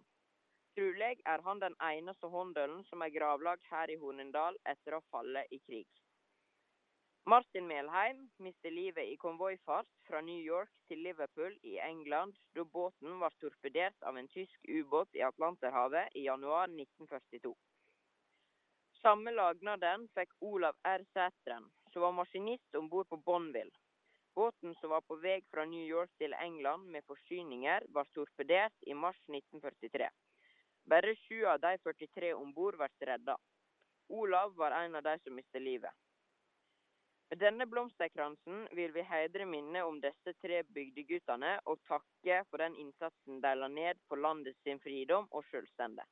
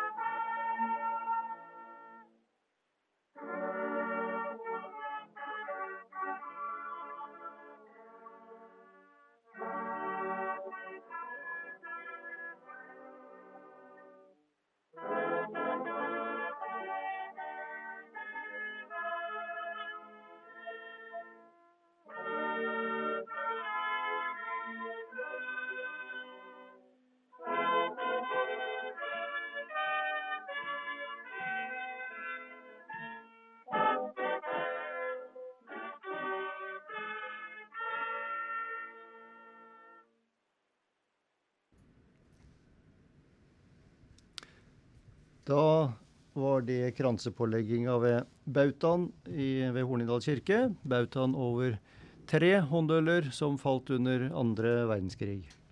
Så vi takker uh, tiendeklassingene, og vi takker Hornindal Musikkorps, som eh, spilte Ja, vi elsker tradisjon tru etter uh, kransepålegginga. Kulturelle innslag det hører hun med på 17. mai, og vi var så heldige å få besøk her i Radio Stryn-studio tidligere denne veka av fire karer ifra Olden. De tok for seg ulike dikt og sanger etter dikteren Elling Vannberg, eller Ellivann som han kaller seg. Len dere tilbake og nyt noen minutter med dikt og sang framført av Pål Skarstein, Jarle Skåre, Åge Eide og Kjetil Finsås Hansen. Det var vel tidlig på 80-tallet vi kom i lag med Elling Vamberg, og oppdaga den skattkista han hadde i form av dikt og vise. Vi hadde mange fine kvelder i gamlestova på den tida. Det er der salmesangerforeninga Sinus Oldensis så dagens lys. Elling mente at vi ikke måtte møtes for ofte, så lufta gikk ut av ballongen. Vi skulle møtes tre ganger i løpet av jordas gang rundt sola. Det var Peder Stol, Softesåkebleita og Julekongressen, som det står i statuttene. Etter at Elling gikk bort i 93, har vi vært en gjeng som har samlast for å friske opp dikta og visene og de gode minna. Det er vi som er Ellivang-gutane, nemlig. Kjetil Finsås Hansen, svigerson og rekrutt. Åge Eide, asfaltkoker og spelemann. Pål Skarstei, tidligere soknerådsmedlem. Jarle Skåre, kårmann og dagdriver.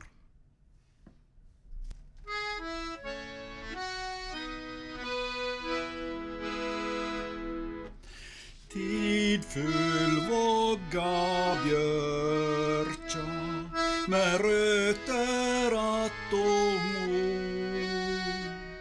Og glenja ho er kyrkja i skogen still og stor.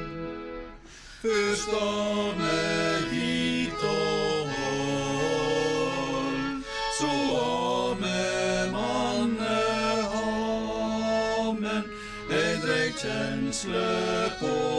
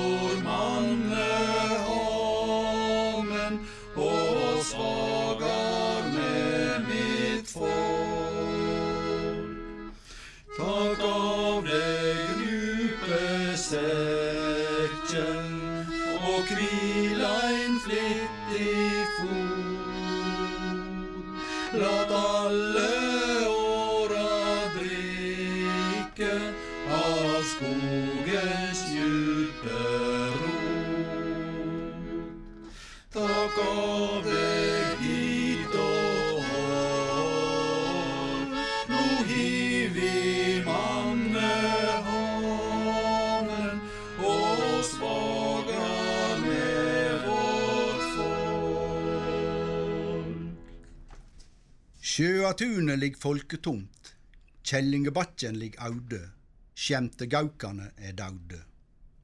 Sitte heime og kukkelure, spenne føtene opp etter veggja, ligge bjørn, lage bånd. Ingen samlast når dampen kjem, vi er ikkje fornøyde at det treffast meir. Ingen har tid til noe. Sitte heime og kukkelure, dryge, tunge og velbekomne, bekomne, både med klubb og båke. Tomt etter veier ingen å sjå. Folket blir fødde med hjula på. Hun ta meg har ikkje dei gleimt å gå. Blingse med løkta, riste på haud. Skunde seg heim att og kukkelure, fyre til omnen er raud. Treng ikkje makos, treng ikkje gå, treng ikkje tenkje, treng ikkje svare. Sette huseguden på. Sitte heime og bukke styret, mene det som blir føresagt. Gubbe var oss alle fire for ei trollens makt. Før hadde granje bruk for granje. Før hadde folket øl. Nå treng ikkje det gå huset myllom, alle nok med seg sjøl. Sitte hver for seg og kryle, kveld etter kveld. Krype hver i sine skyle når det gjeld. Om hans salmonde leve, eller om Dorte deir, vet han hampetita. Eg held ikkje rekning med det. Vi treng ikkje om hverandre meir. Kryp i kove, ryte og sove, ete til vomba og stram og stinn. Sleppe skita. Jau tømde vi dei beiske så vel som dei brusande staup. Vi var samanskaka på jorderiket så vel i fest som kvardag.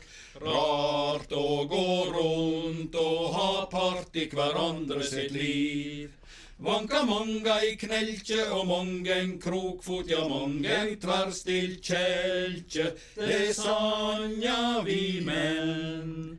Forte kan vi sia, i dag slepp røda laus på innlegde kvia. Først helsa vi i nevane, så duppa vi dugebarten. Heio på deg, gildt å sjå deg, gamle Gud. Neggu og neggu og neggu, så gleimer vi ei. Det vi saman røynde på jorderiket, så makelaust eit hende, at vi skulle råkast i tida sitt botnlause djup. Det er nå vi lever, det er nå vi lever, sove kan vi sia. Satt opp og still på, det er stor fest ut på kvia. Ei skål for minja, ei for framtidsvona. Med gaman vert såre salva gammalt av Guds sona. Godt å kjenne røda kvenje grenda mer. På Møri, der låg det nå ei åkrebot og klorte seg fast punde fjell. På Møri dei hadde seg ei hampenot hengjande punde ein gjeld. Ei hver for seg sjøl, ho skal ha seg en song, innast no grendane felle. Hun anga ta barke og tjære og tong, og ta hamp som de brødde på velje. Eg minnes den skytja med kagga og tog, der eg korgfletta teine på veggja. Der stod Kjarald med underleg ramsvarte låg, der hekk line og trollgarn i dredja. Vi såg når småfuglane samlast i sky, at ståda var navlen i verda. For breibringa, beka og smørde på ny, sto sjølvaste gavlen i fjæra.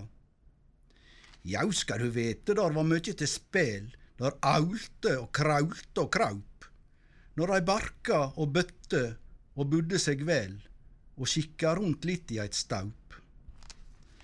Sjøl om teien var trådbedt og vegen var lang, like fjørande lette på fot, slepte dei ljåen og sette på sprong når dei høyrde der ropte på not. Nau var ikkje det sprekte dei avla på rot, for åkeren gav måteleg fold. På mori dei hadde seg ei hampenot, så dei barka og brødde på vold. Vestanfor havet i grenda Faleide, fredfullt ved stranda med sjøhus og naust. Alt medan baia bella di Lovik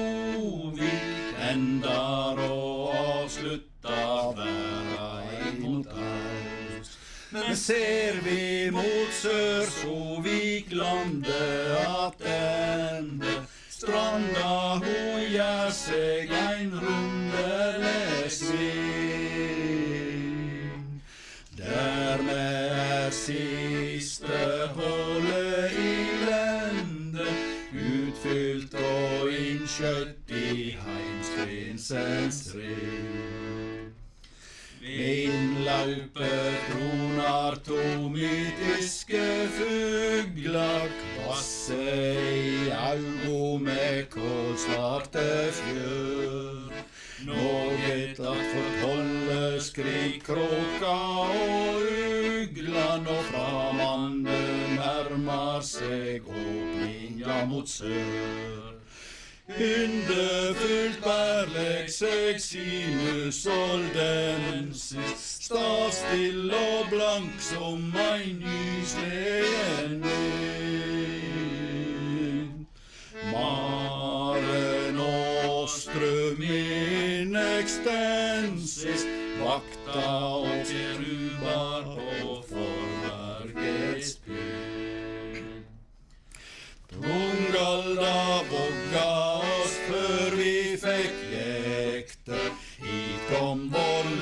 livstime rekande på ei fjøl. Borte på Raksneset har vi ei ekte fyrlykt som utdjupar røndene i oss sjøl.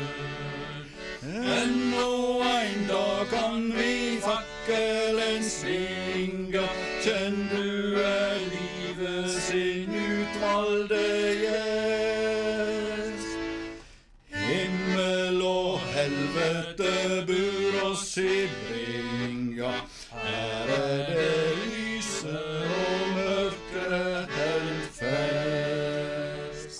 Som sagt, Andedammen mediterraneo knyter oss daglig til framande land. Som einar alle dei store kulturer fra avlei og skastei til rake og strand. Heilage halvrunding innerst i verda, alfa og omega visseleg vi. Skapt til å prøve oss utafor skjæra, likevel byrjar og endar vi her. Det var det var Ellevann-karene ifra Oldennan, Pål Skarstein, Jarle Åge Eide og Kjetil Finsås Hansen vi hørte der. Ekteparet Mona og Mathias Grede på henholdsvis 88 og 91 år, de har opplevd annerledes 17. mai-feiring tidligere òg. Men da var det en verdenskrig som satte stopper for feiringa. Fredag hadde jeg glede av å møte ekteparet hjemme i Randabygda, der jeg prata med dem om det å feire 17. mai før, under og etter krigen, og hva de tenker om den spesielle situasjonen vi nå opplever. Først så spurte jeg hun Mona om hun husker noe fra 17. mai før krigsåra. Første 17. mai jeg var på, det var ute på Askeberg ute på Hoppland. Friluft, I friluft. Men jeg husker ikke hvem som talte det ordet. Det husker jeg ikke. Men det husker jeg et år etterpå. Det var før krigen. Eh, men jeg husker det at vi eh, hadde jo Det var tale, og det var leker. Og sånn håndlek om dagen. Om kvelden. Og så var det mat. Økt inn i Knutetuna. Og så var det dans og fest om kvelden. Og vi ungene vi fikk nå være med, for hvis ikke vi var med, så fikk ikke de voksne god helg. Nei. Nei. Sånn var det. Ja. Hadde dere barnetog på den tida? Nei. Nei da. Vi begynte først om uh, ettermiddagen, og de som var uh, var noen bønder, det var nå der var, de drev nå med gårdsarbeid på formiddag. Så kledde en seg opp da på ettermiddagen, sånn i to-tre-tidene, tror jeg det var. Og gikk ned på Øskeberg. Og det var ikke mange i bygden som hadde flagd heller, men nede i strandene hadde de jo. Hadde de jo. Og nede på Skri og ja, ja. Det er nå det samme. Men jeg husker litt bedre et år etterpå, for da var vi oppe på Fremmegard. Og da, det var en slapsen, slapsen dag med snøkave og, og litt eh, ja, hvitt på markene. Men da altså hadde de dekka på bordene nede i ladene. Og det jeg husker best, det er at de hadde pynta med eplevise. Og den gangen, da var det han Jakob Sagebakken som holdt talen. Og han hadde familien med seg. Om kvelden så var det skuespill ute i ladene, og det husker jeg godt. Og Ragna Rand var med, og så søstera mi, hun heter Maria. Maria Hammar. Og han Heistakke-Mathias Herin, husker du henne? Nei, jeg husker ikke, men vi har hørt mange, hørt mange historier. Ja. ja. Han var så god å spille skuespill. Ja. Og jeg husker det, det som gjorde mest inntrykk på meg den gangen, det var at mor gikk i gamlebrokenes far, og så hadde hun et børatøg til belte. Et sånt fletta børatøg. Vanlig børatøg til belte. Ja. Og så husker jeg at hun Ragna Rand og hun kom bærende med en nyfødte kalv inn på scenen. Onde dager, sa kalva. Så. Så der var det skikkelig rekvisitt Skikkelig. skikkelig. Og så var det det sceneteppet i den tid. Da var det alltid det norske flagget. Som var stort nok. Det var jo misbruk, men det hadde ikke vi vet på det. Eller hadde ikke de vet på den gangen. Bunad, var ikke det vanlig? Det, Jo, men da var det spesielt um, Hardangerdrakt. De, hadde- de som hadde bunad. Oh, ja. Men Anna inn på gamlegårda og Jostein Tausene de hadde altså Nordfjordbunad. Og den var litt annerledes enn nei, er i dag. Eh, det var grønt liv, og det var svarte stakk. Og skjorta tru, den tror jeg var hvit. Og så hadde de eh, mørkt forkle, da. Og disse bandene du bruker på bunaden eh, nå, det var ikke de begynte å bruke. Ikke vevne band da. Det var sånne silkebånd, og så eh, svarte flø... Nei, sølvkvara heter det. Sølvkvara. Noe sånn krokbånd sølv. Ja. Og så var det sånne uh, silkebånd ellers. Gjerne rosete. Veldig fint. Det var det. Det jeg. ja. Var det mye samme type feiring som var år etter Ja, år? Den en for kring om en, en plass her og en plass der, kan du si. Ja. Ja. Når begynte den med tog, da? Nei, det kommer ikke jeg ihåg. Det er så- nytt at de husker seg. Så før krigen gikk ikke en i tog her ute? Nei, nei, det, Nei. men det var sikkert etter krigen. Kanskje, kanskje umiddelbart etter krigen. Ja. Det tør jeg. Jeg husker ikke den første 17. mai. Det hvor det ble fred. For da er det den Fritz Kalte det nå Fritzvåren, og det var jo den feiringa nede i kirkene. Og den gleda som var, og alle folket møtte opp, og de pynta i kirkene. Og jeg tror det var daværende eh, medlem i eh, soknerådet, og den som var var eh, ungdomslagsformann da krigen brøt ut. For da lar jo alt om ungdomslagsarbeid stoppes. Mm. Da krigen Da, da vi var hertekne. Da var det jo tyskerne som bestemte. Så sjøl her ute i Randabygda så var det helt slutt på markering av 17. mai? Å, ja det, det var ikke noe Ikke noen ting. Nei. Kan hende en lurte til å danse i det jo. ja. Ja, det kan hende.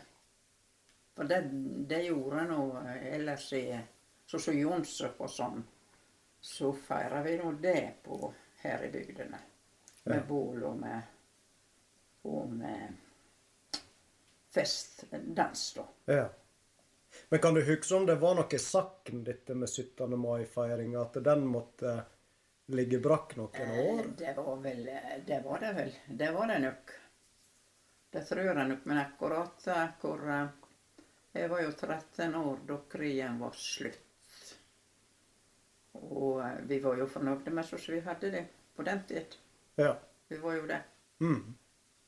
Men var 17. mai noe dere gleda dere til som unger? Det gjorde vi nå, selvsagt. Ja, det gjorde vi nå. Var glad når vi fikk lov å gå. Og, og, men alle gikk jo på 17. mai. Mm, Men det begynte som sagt sånn på ettermiddagen i tretiden eller så, og så var det jo framover til det små timer. Ja. Men eh, som du var inne på, så må det ha vært spesielt da når eh, freden kom. og Å ja da. Kan du fortelle litt mer om Ja, hvordan det var? Den dagen da eh, Den 7. mai, da var jeg på vei opp på bønnen og skulle hente sauene.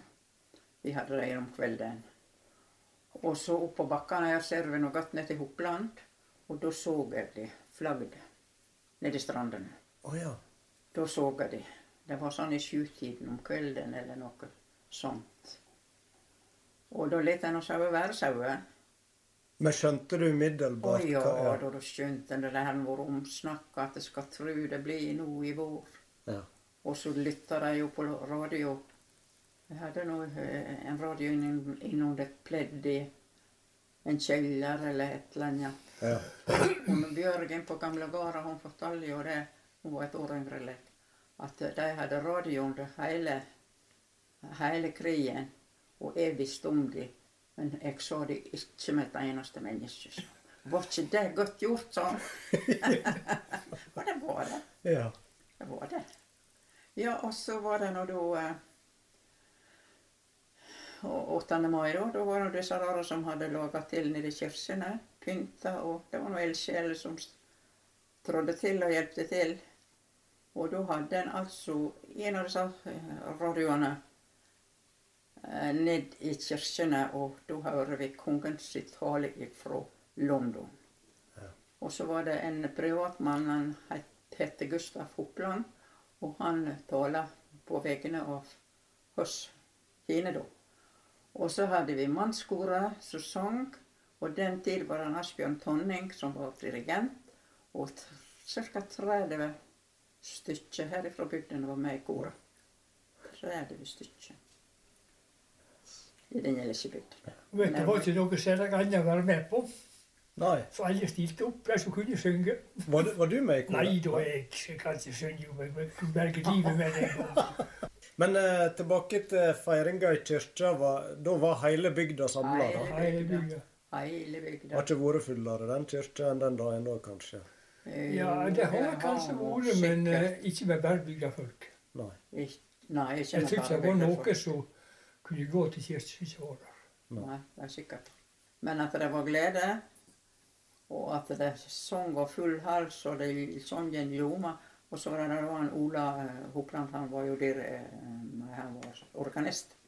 Ja. Nå, han var jo dyktig organist, så, og ivrig for sangen. Men hvor- hvordan ble 17. mai det året? Det ble nå bare ei god uke etterpå. Det da ble det feiring da òg, eller? Ja, da gjorde det. Det var sikkert full feiring, sånn som det var i gamle dager. Men, jeg husker ikke akkurat eh, hva det var det året. Vi hadde jo ikke verken pakkehus eller ja, Det var vel kanskje skolehus, eh, men jeg måtte nå danse en plass. Og den er det Nei, jeg husker Nei, jeg husker ikke det. Jeg husker ikke det, nei. Det, det, det er 8. mai som er naturlig. Kanskje en husker best den- fra det, det Det var det som var så stort ja. den gangen. Ja. Det var jo det. Tenker du at det 17. mai fikk en annen betydning etter krigen? Ja, det, det tror jeg, men det hadde noe betydning før òg. Mm. Det hadde nå det. Og nå har nå en eh, feira jevnt hvert år i 75 år. Ja. Men så eh, i år, da blir det plutselig ei veldig annerledesfeiring. Og Ja. at krigen kan sette en stopper, det forstår en. Men hva dere tenker om at det er en, et virus som skal gjøre at det nå, etter 75 år Nei, Jeg forbinder ikke det med krigen i hele tatt. Men vi veit jo at det har vært syke, alvorlige syke, i lang tid. Og jeg tenkte da Første gangen jeg hører om korona, eh, da tenkte jeg på svartedauden. Jeg tenkte på svartedauden. Ja. Men så hadde vi noen spanskesyke, og den var alvorlig. Og, eh, og mor har jo fortalt Hun hadde en bror som hadde det. Og hun fortalte nok hvor, eh, hvor omhyggelig de måtte være når de gjorde rent i huset etter, etter de hadde hatt sykdom. Ja, Ja. Så det blir litt En ser litt paralleller. ja, ja det ser en mye paralleller. Men de hadde jo ikke de mulighetene som i dag til å verken å gjøre rent eller annet. Mm. Og så hadde vi noe Asiasyke som var veldig tung òg. Hun var det. Mm. Men jeg vet ikke, det var ikke talt hvor mange menneskeliv som gikk da. Det tror jeg ikke. Den hadde nå jeg iallfall. Og alle her hadde de. Anja Mathias. Han måtte styre både med de sjuke og med krøttera. Men det var ikke andre enn han som åt, så noe matlaging, det var ikke det. Men tenker dere det er rett det de gjør nå med å Ja. tone litt ned dette med tog og sammenkomst? Og... Ja da, det er helt, helt rett. Og så syns jeg det, kanskje de er litt for dristige å begynne igjen. Ja. Det er, min, det er iallfall mitt sitt syn på saken. Ja. De kunne gitt seg tida litt til for sikkerhets skyld, syns jeg. Mm. Men du vet, det har ikke noe vet både det. Hun er det. Men her ute i Randabygda føler dere trygge, iallfall? Ja, vi har aldri tenkt på at vi skulle få det. Nei, vi har ikke det. Har dere en liten hilsen på det igjen til lytterne òg?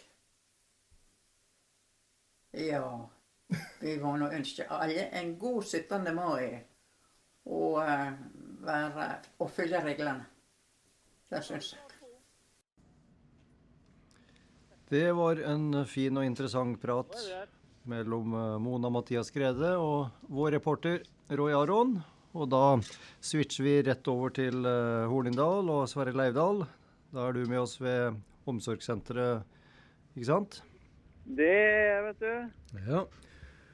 Og det som skal skje nå, det er at du skal holde en uh, liten hilsen til uh, beboerne på omsorgssenteret. Og så skal korpset spille litt uh, marsjer og litt forskjellig langsmed fram mot klokka ett, hvis jeg har forstått rett.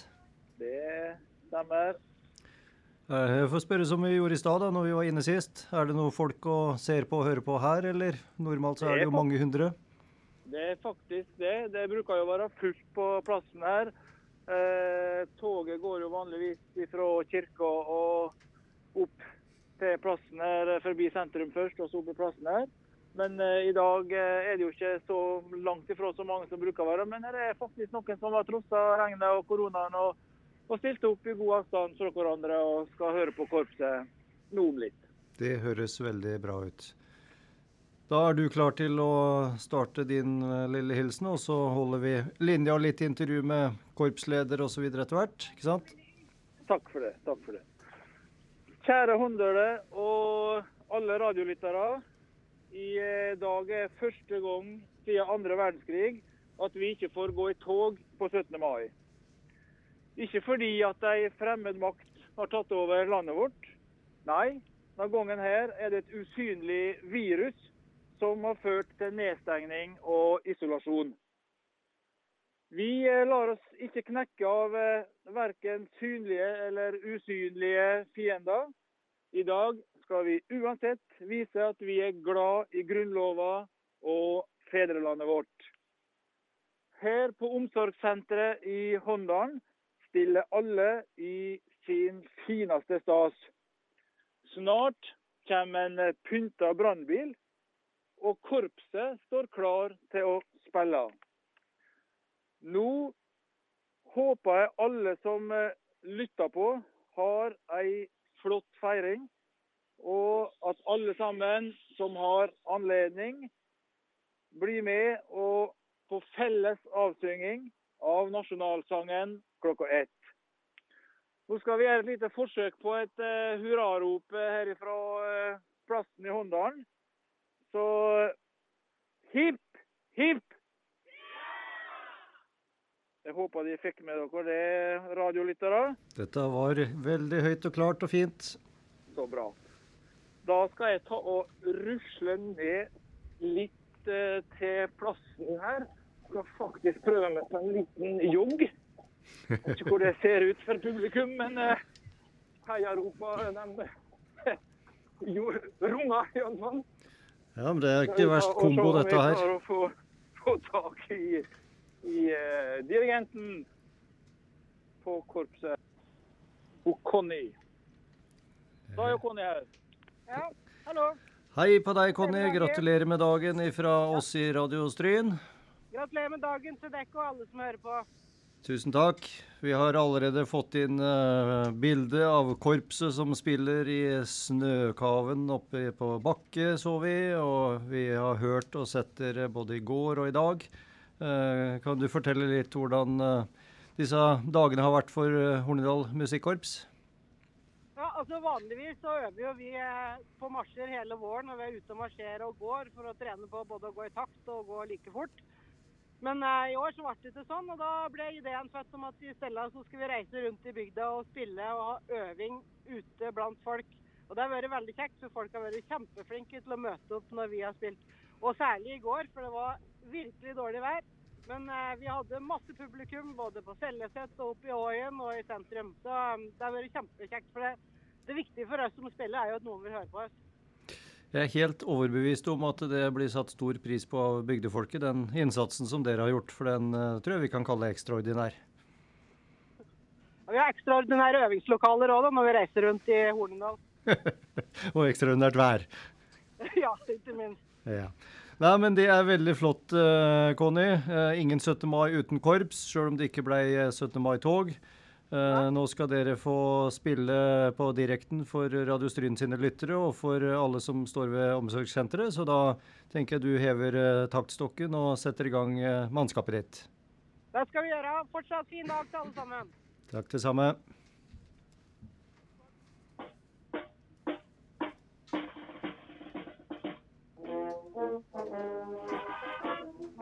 Thank you.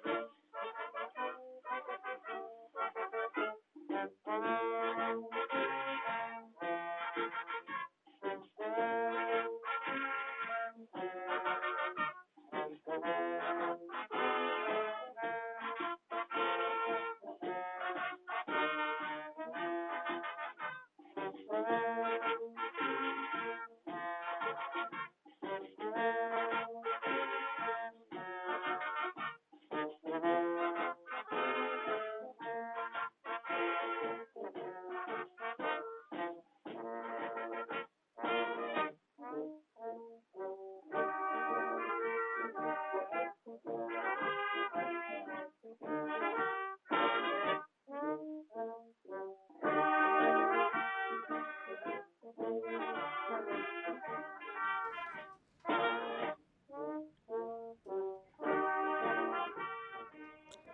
Fra Horningdal så eh, fortsetter vi vår vesle reise rundt om i eh, kommunen. Og nå er det Stryn kommune vi skal til, for eh, i Loen, ved Loen skole, der er òg 7. klasse laga ei helsing for dagen. Og i innslaget dere nå skal få høre, så er det hun Katrin Sanden, Aurora Sanden Rake, Maja Sønsterud Bråten Skåden, Kevin Tendeland, Jakob Sembjak Andreas Torsheim Nystøyl, Elias Midturake, Dina Brattaker Loen, Sofia Hågrenning, Jonas Sande Hoem og Frida Sande Hoem. Dere får høre.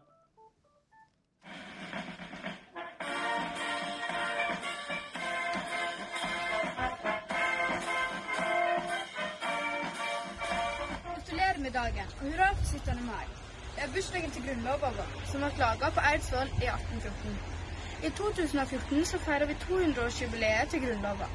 Vi vil feire dagen også i åra som kommer, med hurrarop, norske flagg og barnetog. Dessverre så ble det ikke noe barnetog i år, men vi skal feire dagen likevel. Det er en slik fin årstid vi har nasjonaldagen vår på. Det er bjørkelauv, fossende elver og lyse kvelder. Og på 17. mai, ja, da feirer vi med is og brus. Veit du hva første barnetog var? Ja, det var på Eidsvoll. Det var to søsken som het Henrik og Camilla Wergeland, som fikk andre barn med seg og gikk i barnetog i hagen. Fane hadde de òg laga. Camilla sydde fana, og Henrik måla ei løve på den. Senere ble både Henrik og Camilla forfattere. Henrik Wergeland var en stor forkjemper for å feire 17. mai.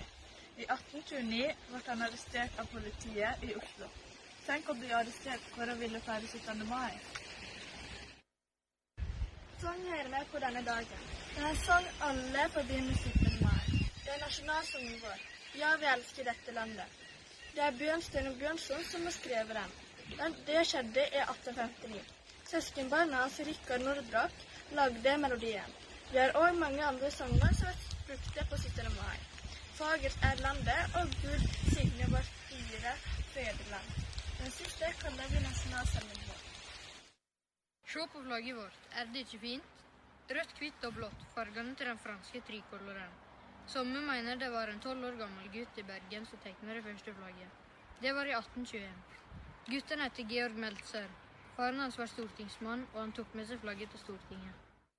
Det var det, vet ikke at dette skulle være det norske flagget. Andre mener at det var stortingsmannen sjøl, Fredrik Mønster, som laget flagget. Det er i alle fall fint, samme hvem som lager det. Det gikk lenge før vi fikk bruke det rene norske flagget. Vi var nemlig i union med Sverige på denne tida. Derfor måtte vi ha et unionsmerke på flagget. Det ble kalla sildesalaten. Så i 1905 var det slutt på unionen. Men 35 år senere ble det igjen forbudt å heise det norske flagget. Da hadde tyskerne okkupert landet vårt. 17. mai 1940 kunne han høre i radioen en dikter som leste et dikt han hadde skrevet. Dikteren var Nordahl Grieg. Nå skal dere få høre dette diktet. 17. mai 1940. I dag står flaggstangen naken under Eidsvolls grønnende trær. Men nettopp i denne timen vet vi hva frihet er. Det stiger en sang over landet seirende i sitt språk. Skjønt hvisket med lukkede lever under de fremmedes åk. er fem krigsåra måtte folk bruke flagga hemmelig. De sydde små flagg inn i klærne sine og tok med seg andre flagg opp på setene. Jeg skulle gå fem år før før vi fikk feire 17. mai. Vi, og, vi aldri har vært så glade i dagen som jeg var 17. mai i 1945. Det er en nasjonaldag slik som Norge. Vi har mange navn på dager. Grunnlovsdagen, nasjonaldag og fridomsdagen. Hva mener vi med fridom? Er det å være fri fra skolen, eller er det å være fri og ikke gjøre noe? Være fri fra lekser. Nei, fridom er noe mye større. Det er å leve i et fritt land få si meninga si, velge hvem som skal styre landet. Ja, det er faktisk å få lov til å gå på skole. I mange land får ikke alle det, spesielt jenter.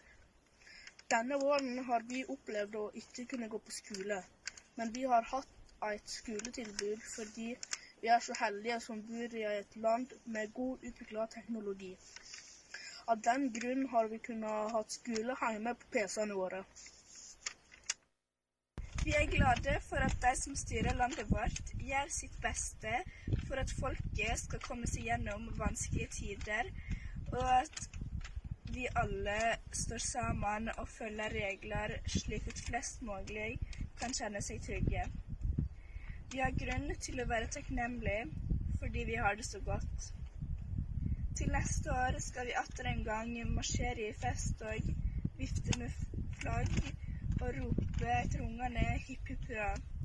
Gratulerer så mye med dagen til alle. Takk for oss.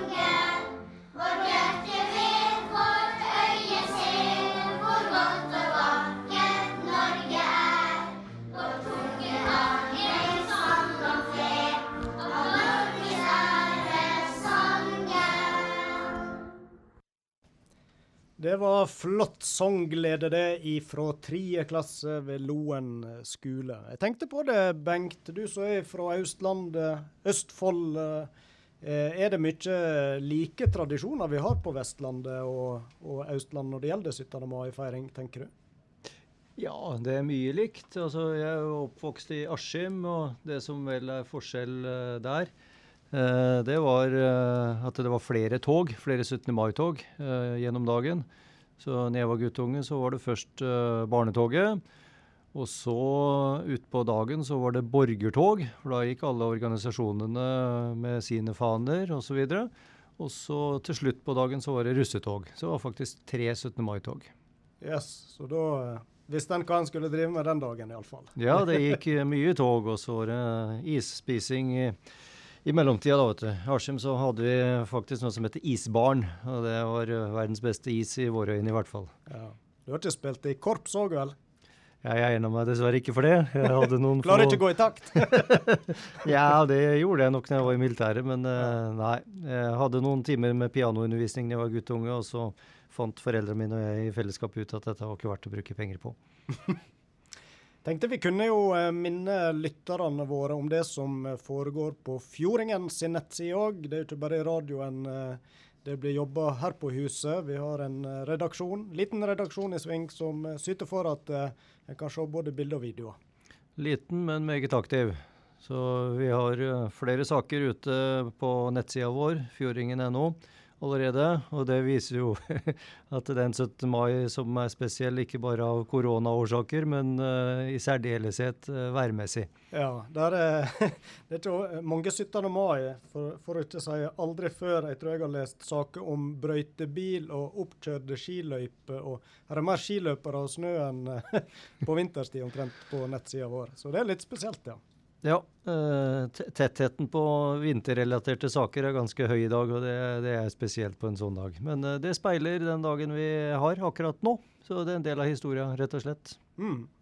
Og så må vi nå bare oppmode folk der ute til å fortsatt eh, sende inn, ta bilde av deres feiring på denne annerledes 17. mai i år. og da kan dere sende inn til redaksjon alfakrøllfjordingen.no. Så eh, kan ikke vi love at eh, alt eh, kommer på nett, men de gjør så godt de kan, de, de som er svinger på huset. Og så prøver vi å dele mest mulig av det dere bidrar med. Så skal vi også love en fyldig eh, 17. mai-dekning i tirsdagsavisa vår, Fjordingen. Så vi har satt av mange sider til å speile denne 17. mai. Mhm. Ser på klokka, så begynner det jo å dra seg eh, mot klokka ett, og da venter det jo eh, en eh, felles Hva skal vi kalle det? Felles sangopptreden fra hele landet som skal synge nasjonalsangen. Og der skal jo vi òg ha med oss et lite kor, Bengt. Det skal vi. Vi har alliert oss med Oldedalen Blanda Kor, som synger Ja, vi elsker for Radio Stryn sine lyttere eh, på direkten. Eh, Så det blir eh, vårt direkteinnslag klokka ett. Og så skal vi snakke med dem litt i forkant og høre hvordan 17. mai så langt er i Olden Oldedalen. Mm. Og mens du prater med deg, så tenkte jeg å ta med meg mikrofonen en tur ut igjen, jeg, og bort til Strynehallen, der jeg vet de driver og stiller seg opp til et eh, Der blir det bil for tog i årets uh, 17. mai gjennom uh, Strynegatene. Og uh, får oss en liten prat med dem, og sikkert en Bert-Bert fra en del av disse flotte bilene òg. Og eh, det blir vel òg litt eh, bil fra Horningdal litt seinere i sendinga. Ja da, vi har hørt det tidligere. Det blir en brannbilkortesje i Hornindal som vi skal komme tilbake til eh, nå etter hvert. Skolene og barnehagene har laga fargerike bannere med et eh, klart budskap om at alt blir bra. Så det kommer vi tilbake til eh, kort over Retteplan. Ja. Så blir det mer eh, både sang og taler og musikk fra ulike skoler, og det blir ei russetale. Og så skal vi en liten tur opp på Grotli og høre med dem hvordan det er å feire 17. mai. Men nå, nå skal vi vie noen minutter til Asbjørn Berge. Vi skal til Oppstryn, og han framfører diktet 'Sognet land'. På en 17. mai er det naturlig å vise at vi setter pris på det landet vi bor i. Men da må vi huske på alle de som har gått føre oss og kjempa fram de godene som vi nyter godt av i dag. Og det er en kamp som har kosta mye blod og tårer. Og så må vi huske på det ansvaret vi har for å føre dette videre til seinere generasjoner. Jeg skal lese et dikt av Halvor Floden som heter 'Såg du mitt land'. Og Jeg tar med de tre første versene.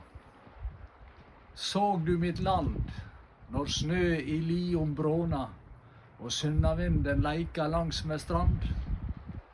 Når høgt det steig mot klåre himmelblåna og lauga seg i dagsens vårsolbrann? Da veit eg visst du alvorsfull fikk stogga og bøya kne, du sto på heila grunn. I dette land sto fedrane si vogga, i denne jorda søv dei siste blund. Såg du mitt land når talatrosten spela, og lauvet gleim og symreblom spratt ut? Såg du det trugne folk som sleit og træla, men song endå, ja, song og takka Gud? Og visste du at hundre tusen barmar har banka takt til dette strev hvert år? At millioner trugne, sterke armar la all sin livskraft ned i jorda vår? Såg du mitt land når vinterstormen tuta og ulvehopar lurte under li? Såg du kvar mor som lydde redd ved ruta i seine kveld når mannen var i strid? Og såg du flaumen, du, av blod og tåre som rann for Noregs sak i hundre slag? På denne flaum, på disse dyre bårer, ror du og eg imot en bedre dag.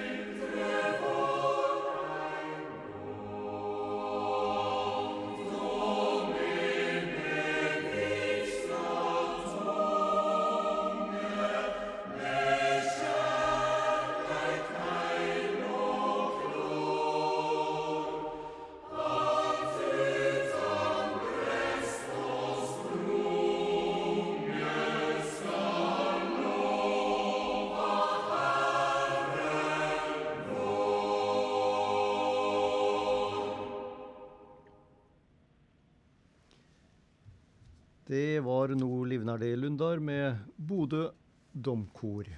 Og da skal vi helt ifra Bodø og til eh, Oldedalen. Anne Mykløen Sunde er med oss, stemmer ikke det? Yes. God 17. mai til deg og dere i Oldedalen. Tusen takk, og takk det samme. Ja, hvordan er eh, dagen? Det er stille og rolig og litt eh, annet 17. mai enn vi er vant med. Vi Ja. Har møttes til 17. mai flaggheising på skolen. Det var bra oppmøte. Og ellers så blir det vel stille og rolig rundt om i heimene. Mm. Så det var litt eh, publikum eh, da? Ja, det var bra, bra oppmøte. Eh, tradisjonene i Oldedalen til vanlig, da? Eh, kan du fortelle litt om det? Hvordan ville en vanlig 17. mai vært? Vanlig 17. mai, da er det flaggheising på skolen, og så møtes vi i Josheim. Det er alltid spenning med været, om en er ute eller inne. Og så er det ja, litt program og tale og god mat og så lysende som det skal være. Ja, så det blir litt stillere i år. Ja. Eh, er det noe program eh, Nå skal dere synge 'Ja, vi elsker' på si på, på vegne av eh, Radio Stryn og for hele folket klokka ett. Men eh, Ja. er det noe program ellers i Oldedalen? Eh, Det har ikke noe sånt program som samles i disse koronatider, men vi har laga til en eh, flagginstallasjon i eh, fjellet, eller i Seterefjellet opp med Høgalmesetra. Der er det sydd hop 13 store flaggstangflagg og hengt opp i en hammer der som viser fra hele dalen. Så det er litt annen måte å feire på når en ikke får lov å samles. Da må vi nesten spørre om ikke noen av dere kan ta bilde av det og sende til uh, Fjordingen-redaksjonen, så vi kan vise det på Det skal vi få til, vet du. Ja, det ville være supert. Dette hørtes spesielt ut. Dere er noe flinke dere med, og dere har noe juletre oppi lia, veit jeg. Eh, Ja, Juletider det blir og samme området. Ja. Det er mye gode ideer og eh, god gjennomføringskraft. Ja, vant til å improvisere og få til ting. Det er Det- Oldedalen kjent for. Ellers er jo Oldedalen selvfølgelig turist, eh, en av de store turistmagnetene. Eh, det har vært lite med cruiseturister i år, og det meste har vært stengt ned. Men begynner det å løsne litt med norske turister, eller hvordan er inntrykket på det?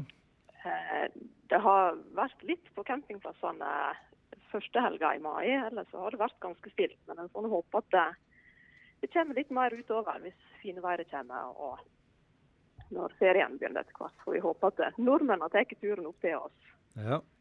Nå er det i hvert fall eh, meldt uh, at vi skal bli ferdig med vinteren, forhåpentligvis, eh, når denne dagen her er omme. Så tyder værmeldingene på at det kanskje kan bli litt sol og litt bedre temperaturer. Så får vi håpe at eh, det kommer noen norske turister og skaper litt eh, omsetning og litt inntekter for uh, turistnæringa også i Oldedalen. Det trenger vi. Vi får krysse fingrene. Ja. Eh, Så er det da et lite eh, engere utvalg, er det sånn, av Oldedalen Blandakor som nå har samla seg? Ja, det stemmer. Ja. Eh, Skal du fortelle litt mer rundt det, før dere skal starte synginga om et minutt nå? Det, til vanlig i Olderdalen Blandakor så er vi faktisk 25 medlemmer nå. Eh, av et folketall på 100 så er vi ganske godt fornøyde med det. Eh, men eh, nå i disse koronatider så valgte vi å ta bare et lite utvalg. Så da er det åtte stykker som skal synge 'Ja, vi elsker' for dere nå. Åtte oldedøler som skal synge 'Ja, vi Ja. elsker'. Ja. Den, den nasjonale eh, 'Ja, vi elsker'-dugnaden, får vi kalle det. Det, Da var det veldig flott at dere kunne ikke gjøre det bare for dere sjøl, men også for alle lytterne på Radio Stryn. Det setter vi stor pris på. Så tenker jeg at eh, da er klokka der, så kan dere sette i gang. Så skal vi få høre tre vers, stemmer ikke det? Ja, det stemmer. Da er mikrofonen deres. Ja.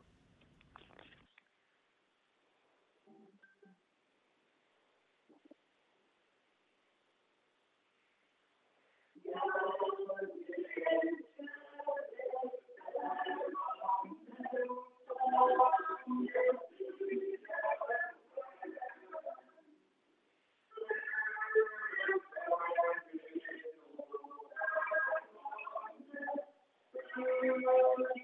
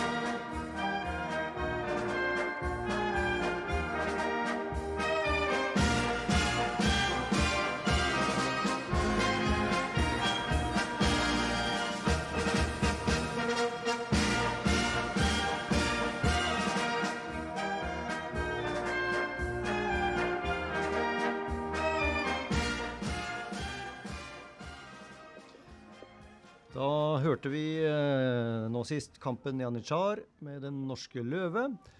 Og da skulle det ikke forundre meg, Roy Aron, om eh, vi har en utegående reporter ute i Strynegatene, stemmer det? Det stemmer, ja. Nå har jeg tatt meg en joggetur fra Strynehallen og bort til Per Bolstad plass. Det var visst litt sånn eh, misforståinger, for det er bort med Isehaug og Per Bolstad plass at eh, MKAR-toget nå har stilt seg opp. Og her står jeg i lag med han eh, Geir Ove Vinsrygg. Og først av alt, gratulerer med dagen. Ja, takk samme, takk samme. Hvis jeg har forstått det rett nå, så er det du som har tatt eh, initiativ til å samle Ja, det er vel i hovedsak amerikanere, men det er kanskje litt andre veteranbiler òg? Ja, jeg tykte det måtte skje noe på en slik dag. Og når det ikke blir noe 17. mai-tog, så tenkte jeg dette var et bra alternativ. Så jeg slengte bare ut en tråd på Facebook og fikk positive tilbakemeldinger på det. Og det er jo gjennom Amcar Stryn eh, egentlig, men jeg eh, hadde litt lyst til å få med flest mulig veteranbiler og egentlig alle kjøretøy. Så det er litt av hvert. Og så eh, snakket jeg med sønnen min som er russ, og sa det at han kunne nå eh, prate med russerne og høre om de var interesserte, og hvor mange de ble. Og da tok det ca. en time før jeg fikk tilbakemelding på ni russebiler. yes. Og russebiler er vel fort veteranbiler, det òg mange av dem. Ja, de fleste nærmer seg iallfall alderen. Jeg vet, eh, Den bilen som sønnen min er med på, den er iallfall veteran, og eh, der er mange flere av dem. Ja. Men her blir det i år altså bil for tog. Eh, Kan du fortelle litt hva rute er dere skal gå nå? Ja, Vi kommer til å kjøre herifra og ut i rundkjøringa, der vi da hiver oss inn på den eh, ordinære 17. mai-togsløypa. Men vi snur ikke med bilekstra. Vi tar en eh, liten tur opp om rundkjøringa på ungdomsskolen, før vi snur der og ned igjen og forbi rundkjøringa på gamleheimen. Og så eh, drar vi ned igjen da ut gjennom hovedgata, og så ser vi egentlig hva vi ender opp med. Det er ikke så godt planlagt. Men da får iallfall folk eh, stille seg opp eh, langs løypa, og så eh, regner jeg med at disse bilene de kvitterer fort med litt eh, tuting tilbake. Men eh, Geir Ove, fortell litt. Hva type biler? Er det mye flott, ser jeg, og flott pynta med flagg? Eh, Hva er det slags biler vi har nærest der, f.eks.? Nei, Det fremste er min bil. Det er en eh, 1964-modell eh, Cadillac. Og så har vi da Martin kjører bak meg her med en eh, 79-modell eh, Camaro. Og Lindviken i en buk. Så har du eh, eh, Anders Magne Viken for Thunderbird, og så er det en Cadillac. Ja, så det er det Volvo Amazon den begynner å bli gammel slager. Eh, 142 ser vi baki der. Volvo. Og så syns jeg vi ser igjen en veteranbuss òg. Vi har eh, med oss veteranbussen, ja. Han, eh, eh, Au Flemmen eh, han er sjåfør på den. Det er da en gammel Volvo. Og responsen eh, på dette MCAR-toget, det var enda bedre enn du hadde håpa på. Ja, det var mye, mye bedre. Det som jeg var litt redd for, det var det at det skulle bli eh, jeg i min bil og så ni rusbiler bak. Det hadde vært ganske katastrofe, egentlig. Men her er det iallfall stilt opp eh, til noe som blir et eh, flott tog av eh, gamle, staselige biler. Og så kommer det et lite vedheng av noen røde russebiler. Og flott er de òg. Men da tror jeg vi sier takk for oss her ved Per Bolstad plass. Kan jo nevne at i bakgrunnen så har dere hørt Stryn Musikklag sikkert òg. Og de får velfortjent applaus. Så til slutt så hopper vi. Er det noe liv i disse bilene her, Geir Ove? Ja, det får vi nå prøve.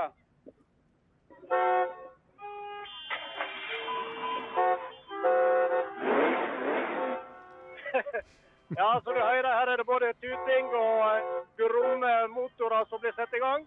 Da sier vi tusen takk fra Per Bolstadplan. Tusen takk. Det var en uh, flott situasjonsrapport, og vi hører at det var liv der. Så bil for tog i år. Og passer noe ekstra bra når det ikke blir eh, motorfestival i år, så blir dette kortesjen for, det, for dette året. Da skal vi høre Stryn mannskor, vi, med framføring av Nordfjordsongen. Nei.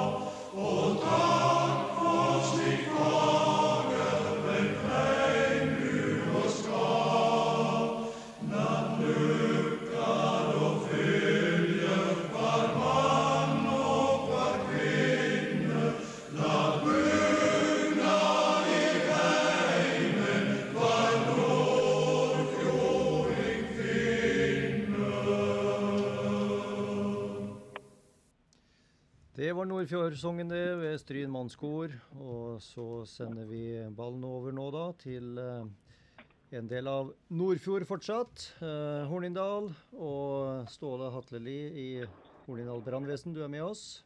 Jeg er med dere. Gratulerer med dagen, alle sammen. Gratulerer med dagen til Hornindal brannvesen og alle andre. Ja. Takk for det. Dette er et spesielt oppdrag, eh, Ståle. Det er ikke vanlig brannutrykning dere skal på nå. Dette er vel første og eneste gangen vi gjør noe sånt, tror jeg. Vi har pynta brannbilene med flagg og banner, og så nå er vi klar til å kjøre ut til omsorgssenteret, som er første stopp på den runden som vi skal i bygda. Ja.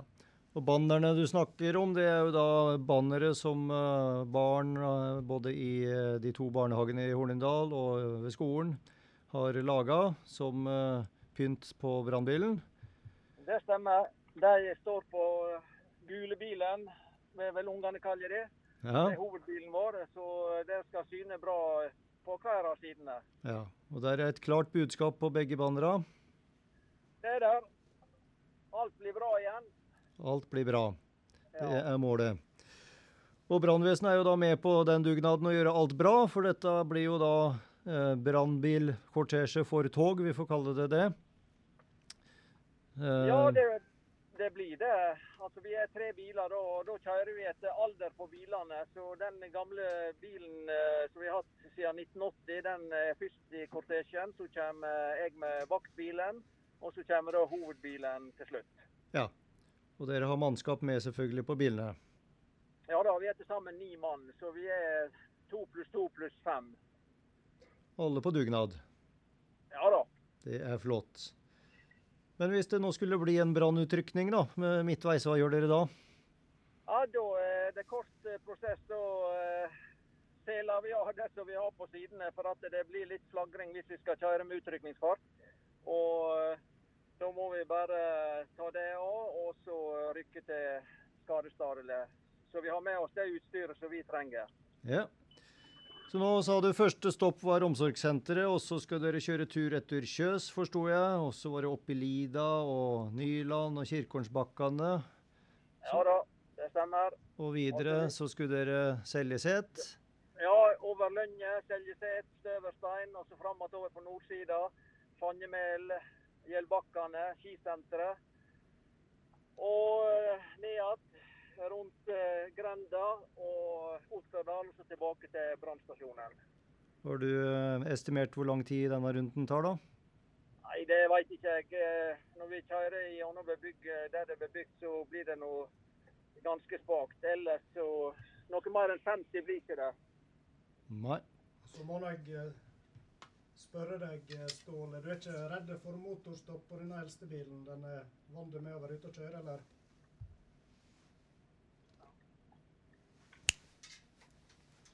Var dette et spørsmål til meg, eller? Ja, jeg Jeg fikk tak i hva han sa. Nei, det skjønner jeg godt. Det var en uh, liten feil her, så jeg hadde ikke lyden på. Nei, jeg eh, sporer deg, Ståle, om du var bekymra for motorstopp på den eldste bilen når dere skal ut på langtur, eller er han vant med å være ute og kjøre seg?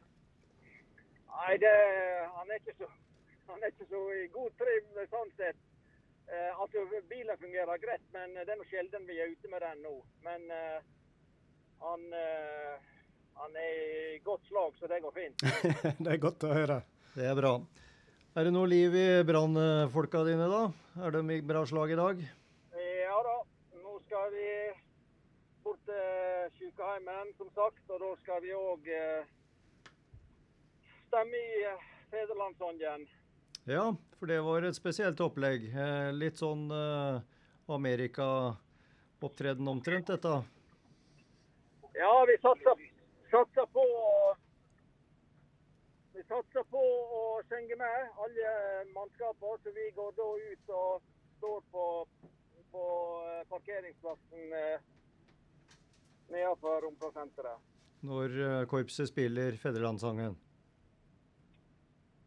Det stemmer. Ja. Og med hjelmen under armen osv. Ja. Yes. Nå er vi på vei gjennom sentrum, så vi har mye lyd med oss òg. Så Ja, det er en del frammøtte allerede. så det høres bra ut. Håper det blir et, eh, et minne for de som eh, ser oss òg. Dette er en flott uh, dugnad fra brannvesenet. Så, så, gir dere vel en lyd når dere kommer fram til uh, befolka steder? Ja, det er planen det. Uh, nå har vi bare blålys på gjennom sentrum, og så spiller vi da Ja, vi elsker. Ja. Skal du gi en liten uh, sirene til slutt, da, når vi ønsker dere god tur? Prøve en liten grann. Ja. Her hører vi at det er ordentlig brannbil. Da ønsker vi god tur til dere. Takk for det. Og lykke til med sendinga deres. Takk for det. Ha det godt. Ja, det blir 17. mai rødt, hvitt og blått med blålys og en ny vri i håndene der på flere måter. Ja, da skal vi ta oss en tur til den største barneskolen i Stryn kommune. og Der er det en ny sjuende klasse som har lest inn ei hilsen til Radio Stryn sine lyttere. Og denne er det Klara Bø, Emma B. Hagen, Nikola Stojkovic, Johanne L. Sætre, Joshua Lindvik, Frida Heisig, Gustav Fredheim og Huge Vildreier som framfører. 17. mai er den dagen vi feirer at vi fikk vår egen grunnlov i 1814 på Eidsvoll.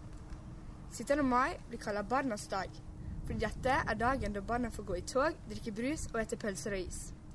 Det er en dag fylt av glede, og alle roper hipp hipp hurra. Gratulerer hverandre med dagen og smiler til hverandre. Den viser at vi nordmenn er ett folk. Vi feirer vårt demokrati og vår selvstendighet. Vi bruker da mange leker. De kan ha det moro, kose seg og vinne mange fine og gode premier. Vi bruker ofte konkurranse med til mest is. 17. mai er en stor dag for russen. Den viser at de snart er ferdig med 13 år på skolen. Den siste russefeiringa er på 17. mai, og mange barn samler inn russekort. I år har ikke russen fått feire på vanlig måte pga. korona. De håper å få ei skikkelig russefeiring etter 15. juni. Det skal være lov å feire når en har studert hardt og målretta fra en var seks år gammel. På 17. mai i år skal jeg feire med familien min. Jeg tror det kommer til å bli en veldig rar 17. mai i år, siden vil ikke får gå i tog, være i lag med venner og spille fotballkamp mot foreldrene våre som vi har gleda oss til. Men dette skal vi klare. Vi skal ikke la 17. mai bli en trist dag, men en gledens dag. Nei, vi får ikke gjøre det vi hvert år har gleda oss til. Men nå er det opp til oss å ta utfordringa og feire på trygg avstand. Og det skal vi klare. Så får vi trøste oss med at til neste år er vi forhåpentligvis tilbake til normalen. Nå skal vi igjen få gå i tog, ete is og pølse og annen grillmat. For ikke å glemme alle de andre tinga som vi er så glad i, og som vi nå ønsker å gjøre. Da dagen starter her i Stryn, hører vi en salutt over Vindsrygg klokka åtte på morgenen. Noen timer seinere møter, skoleung møter skoleungene opp med Strynehallen. Når alle har møtt opp, begynner toget å gå. I toget er det en konkurranse mellom trinna på barneskolen om hvem som har det beste heiropet og roper det høyest. Den som vinner, får vandrepokalen. Men i år blir det litt annerledes feiring pga. koronaviruset, så mange kommer nok til å feire hjemme eller på hytta med familien. Vi våkner av et smell. Det er da vi vet at i dag er det 17. mai, vår nasjonale festdag. Vi sitter rundt hver vår radio og hører på Radio Stryn og feirer grunnloven vår, som ble laga av 112 kloke menn på Eidsvoll 17. mai 1814. Sammen bygde disse 112 kloke mennene grunnloven vår på idealer som frihet, likhet, brorskap og sist, men ikke minst kjærligheten til vårt fedreland. På 17. mai i dagens samfunn fokuserer vi mer på mat og samler russekort. 17. mai er kanskje mest barna sin dag. Vi går i barnetog og roper heiaropene våre. Jeg tror at mange barn er enige når jeg sier at høydepunktet med dagen er når du får spise så masse is. Du vil også samle russekort. 17. mai er basert på tradisjoner, men i år ble det dessverre annerledes. Heldigvis blir noen av tradisjonene fortsatt gjennomført, som å ete is, musikk og at sentrum blir pynta fint. I år slipper vi heldigvis den diskusjonen om at bunaden eller dressen er for liten. Og du må spørre rundt til alle du kjenner om de har en bunad i din størrelse liggende. Vi holder oss hjemme og feirer der, kanskje med familie eller ikke. Men 17. mai skal alltid være en fin dag, selv om alt ikke går etter planen. 17. mai er for det første en dag for å hedre vårt fedreland. Om det ikke hadde vært for de 112 mennene som satt på Eidsvoll i 1814, hadde vi ikke feiret noe som helst i dag. Vi lever i et fritt land hvor vi har frie valg og likestilling. Det må vi sette pris på. 17. mai er en spesiell dag for både voksne og barn. På 17. mai går vi barnetog og har masse leker. 17. mai er grunnlovsdagen til Norge, og det var på denne dagen vi fikk vår egen grunnlov. Grunnloven vår ble skrevet i 1814 på Eidsvoll. Ja, vi elsker er nasjonalsangen til Norge, og det var Bjørnstjerne Bjørnson som skrev den. For mange barn er nok 17. mai kjent som den dagen man skal ete så masse som de bare klarer. Men ikke alle foreldre er enig i akkurat det. På 17. mai spiller folk i korps og eter masse god mat. Etter barna har gått i barnetog, er det leker på skolen eller en annen plass. Mange barn går rundt og samler etter russekort. I Oslo på 17. mai står kongen og hele kongefamilien på balkongen og vinker til barnetoget. Og det er jo en tradisjon i litt over 100 år nå. Når det var andre verdenskrig og tyskerne har tatt over Norge, var det ikke lov å gå i barnetog. Det var heller ikke lov til å gå med norske flagg eller flaggets farger på klærne sine. Man heiser vanligvis opp flagg, men det kunne de ikke da. I år blir det litt annerledes pga. korona. Men det blir 17. mai, sjøl om det ikke blir barnetog og leker på skolen. På 17. mai skal alle kose seg og ha det kjekt, så vi må prøve å få det til, sjøl om det ikke blir som de andre åra. Vi feirer denne dagen fordi det er landet sin bursdag, og fordi vi fikk vår egen grunnlov. På 17. mai pynter vi oss i fine dresser eller bunad. Alle har ikke samme bunad. Det fins forskjellige typer bunad, og den er annerledes fra hvor du kommer fra. Så hvis du bor i Stryn og feirer 17. mai i Oslo, er det ikke sikkert du har den samme bunaden som de andre har. Alle liker russer med store busser, russekort er tingen, men det trenger ingen. Vi roper hurra for at alle skal ha det bra, og russekort vil vi ha. Flagget står og flakser i vinden, det danser. Du best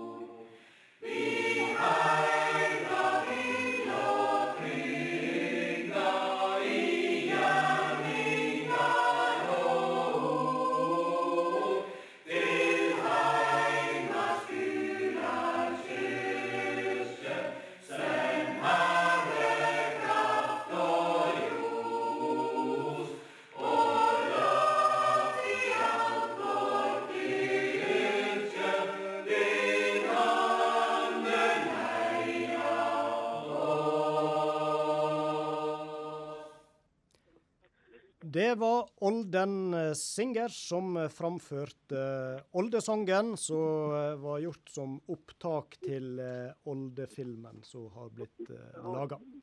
Da skal vi en tur til Innvik, og der er det i snakkende stund en krans som skal legges ned. Og vi har med oss på telefon hun Ingvild Johansen, og først av alt gratulerer med dagen. Gratulerer med dagen til hele Stryn kommune. Ja, hvordan er det på 17. mai i Innvik? Nei, her er det vått og snø og regn. Men her er litt folk som har møtt opp til denne kranspålegginga på kirkegården. Så flott. Og du òg har kanskje gjort unna litt andre ting eh, før på dagen òg? Ja, vi hadde ei flaggheising ute i Heimlund. Og ellers så har jeg sittet hjemme og fyrt i ovnen. Ja. det, det er jo en, som vi har sagt noen ganger her, en litt annerledes eh, nasjonal, nasjonaldag på flere måter. Det når eh, vi skriver om på Fjordingen at vi kjører skiløype og det blir brøyta, så eh, forstår vi at det, det er ikke helt sånn som det bruker å være. Nei, det er ikke det. Det er helt sikkert. Ikke noe 17. mai-tog i Innvik heller selvfølgelig i dag, da. Uh... Nei, jeg vet det skal være et bitte lite fram i Innvikedalen. Ja. Så det kan hende kommer bilde på seinere. det må dere sende til oss, vet du. Og så fikk Ja. vi jo eh, noen eh, smakebiter fra ei lita førfeiring som eh, de yngste ved Vikane skole òg eh, hadde her. Det var vel på fredag? Så, eh, Det var på fredag, ja. ja. Både gikk de i tog, og de dansa for beboerne på Vikan omsorgssenter, og så var det leika og is etterpå. Så de har nå hatt ei lita ei, ei slags lita feiring, de òg. Ja da, det har de. Og det er jo ungene som syns 17. mai er trist at det ikke blir feira, selv om vi voksne som har levd en stund òg hadde jo sett det var en annerledes feiring i år. Nei, det er ingen tvil. Unger er, er taperne i år. eh, Ja, når det ikke blir eh, tog og leiker og det som er tradisjonelt. Ja. Vi voksne vi klarer nok bedre å innstille oss på det, men eh, Ja. får gjøre det beste ut av det. Det må vi. Men nå har jeg forstått det sånn at du har med deg eh, to eh, skoleelever som skal stå for denne kransenedlegginga. Kanskje du kan introdusere dem og gi dem ordet? Ja, det er han eh, Peder Reme og han Andreas Røyrvik. Og så er det han Kristian Sunde Reme som skal legge ned blomstene. Så da skal han Peder begynne å lese. Onsdag 22. juli 1942 ble en ukjent eh, sjømann gravlagt på kirkegården i Honningsvåg. Han var en av mannskapet på fem som omkom da russiske fly bomba havna i Honningsvåg søndag 19. juli. Alle var fra Sogn og Fjordane. Kristoffer Storen var en av dem. Kristoffer og kona Jenny bodde på den tida i Innvik. Til minne om Kristoffer er navnet hans skrevet på kona sin gravstein. Per Forleide var en av de åtte fra Sogn og Fjordane som falt under kampene i Valdres i april 1940. Minnesteinen ble avduka 17.6.1945. Det ble laga en sang til avdukinga. Et av versene lyder slik. I steinen reiste her til minne om de fær. Den vitna kan om ungdoms fagre verk. Og tru så fast og sterk, og kampen hard og tung, som fridom vann. Med disse ordene legger vi ned en blomme til minne om de som falt under kampen for fridom.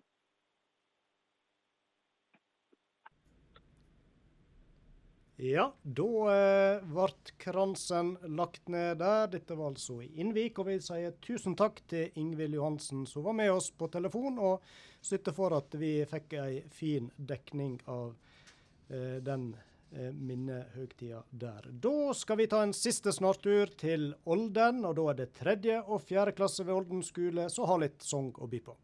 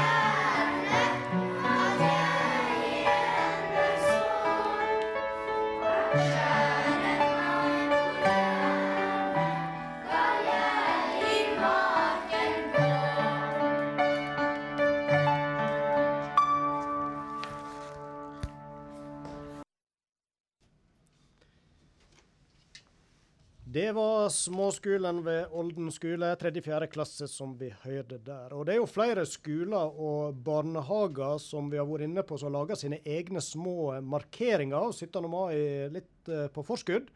Og sånn var det òg ved Oppstryn skole. Og der tok jeg meg en liten tur tidligere denne veka, og jammen fikk de opp stemninga tross både sludd og snø.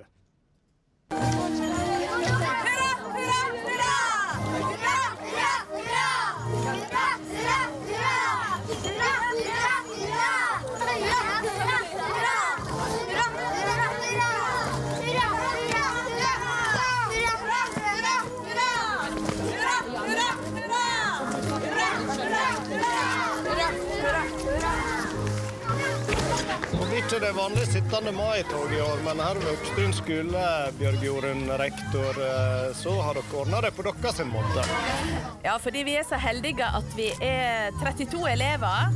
Eh, Ikke for mange i forhold til nasjonale føringer. Og fordi vi har eh, mulighet for å lage ett langt 17. mai-tog med én meter mellom hver, så fant vi ut at vi måtte nå feire det på et eller annet vis. Og så gjorde vi det med litt flagg og litt tog. Og så skal vi ha leker for bånda og is og brus og pølse etterpå. Er dere klare?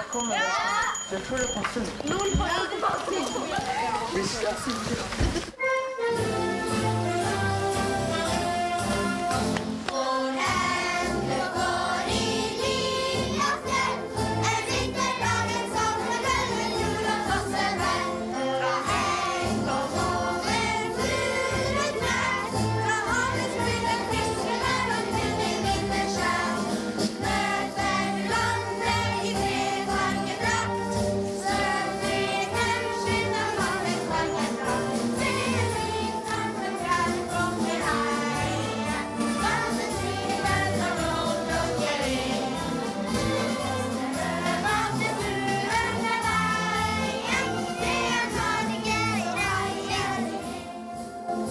Hvordan er det å feire 17. mai på skolen da, når det ikke blir vanlig 17. mai-feiring i år? Det blir sikkert fortsatt morsomt. Ja. Og da snakker vi med Sondre. Sondre, ja. Syns du det er greit å, at det blir en 17. mai uten det vanlige barnetoget og Ja, det blir nå fortsatt morsomt. Jeg får fortsatt pakke. Ja. Hva er det du skal gjøre da, når vi kommer til søndag? Har du noen planer da, eller? Jeg skal ha bursdag. Oi, du har bursdag òg på 17. mai? Ja. Ja, men da blir det en flott dag uansett. Mhm. Ja. Og så har vi med hva du heter? Louise. Louise, ja. Og eh, dere var flinke å synge. Dere øver mye, selv om eh, dere ikke får framføre det på 17. mai i år. Ja. Ja. Dette kunne dere. Mm. Ja. Hva er det du eh, gleder deg til når det blir 17. mai, da? Etter masse is. Ja. Blir det fortsatt is i år? Ja. Ja. Og så på skolen her så skal jo dere ha litt eh, feiring eh, utover dagen òg. Hva annet skal dere gjøre, vet du det? Nei Ja, vi skal ha litt leker. Mm. Hva leker da? 17. mai-leker. Ja. Og så har vi en til som står her. Du hadde jo nesten eh, det norske flagget på jakka di, ser jeg i dag. Ja, det har jeg. Ja. Hva du heter da? Vegard. Ja. Hvordan er det å eh, oppleve en litt sånn annerledes 17. mai, tenker du?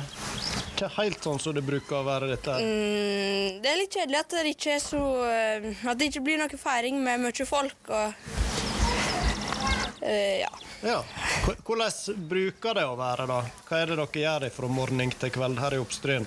Eh, vi bruker å gå i tog, og så samles vi her på skolen og har forskjellige konkurranser. Hesteskokasting og så eh, potetløp og litt forskjellig annet.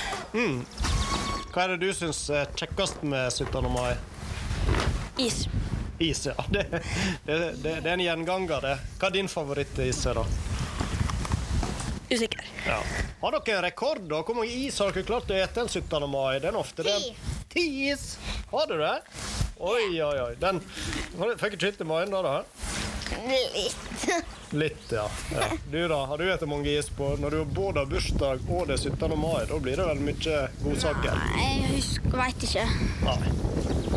Men da eh, ønsker jeg dere ei eh, fin feiring her oppe. Og har dere lyst til å sende ei hilsen utover radioen på 17. mai? Jeg vil sende til Daniel og Markus. Ja. Blakseth. Skal vi ønske deg en fin 17. mai-feiring alle i Stryn, da? Ja. Ja, da gjør Ja. vi det. Fin 17. mai til alle i hele kommunen, og særlig til deg i Oppstryn.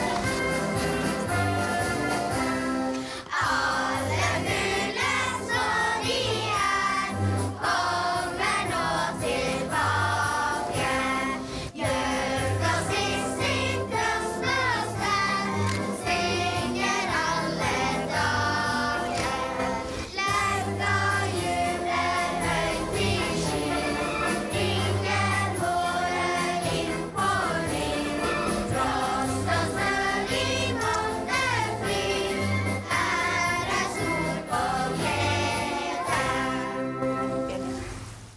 Ja, de som ikke kom i vårstemning, der de får gå og fyre opp i peisen, jeg veit ikke annet. Det var iallfall Oppstryn skole, det, så eh, viste at de kunne å synge. Vi fortsetter med litt mer musikk. Forsvarets stabs musikkorps, de har vi hørt litt før i dag òg. Og nå kommer de med Vi er en nasjon, vi med.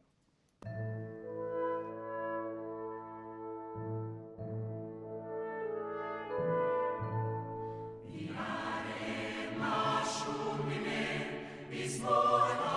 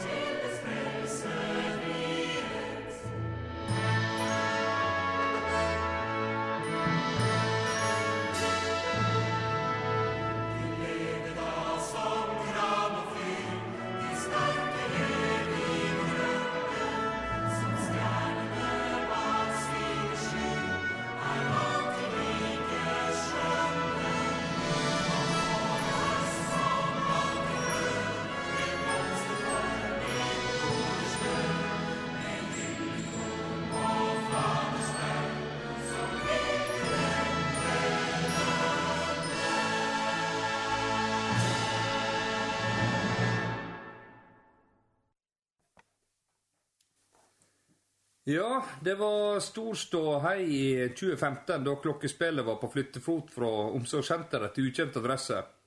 Nå er det jo heldigvis trygt plassert i de øverste gemakkene i Kulturhuset, og nok en 17. mai har det blitt spilt kjente toner i formiddagstimene her i Stryn sentrum. Men er det bare på 17. mai det skal være i bruk? Flere har tatt til orde for mer klokkespill i Stryn. Og en av de er en av Stryn sine store kulturpersoner. Velkommen til deg, Skorstein Tullreim. Takk, du, takk, og tusen takk for det, du. Og, og, og takk for, eh, for tilliten angående prosjektet mitt. Du. Tusen takk. Du, Det er slik ei ære å få komme her og fortelle om planene mine, og, og takk for det. du. Og tusen takk for at jeg fikk komme, og takk, takk for det. Ja, eh, og hvordan ligger det an? Blir det mer klokkespill i Stryn i 2020?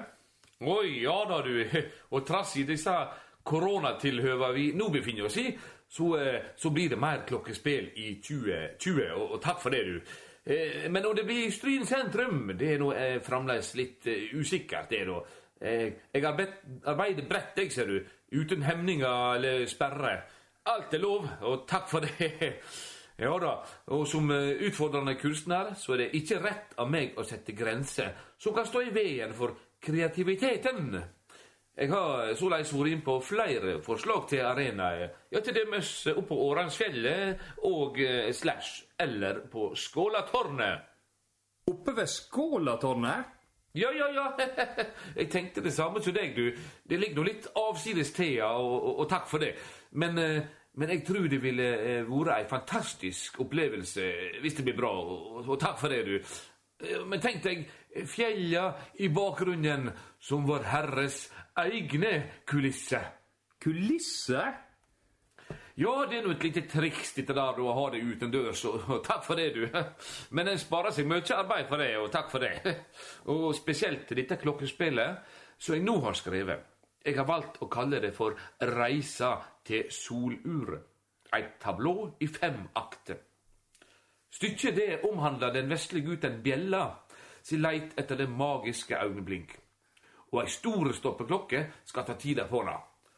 Kappløpet mot det store soluret, kong Rolex og hans eh, garpeklokkere.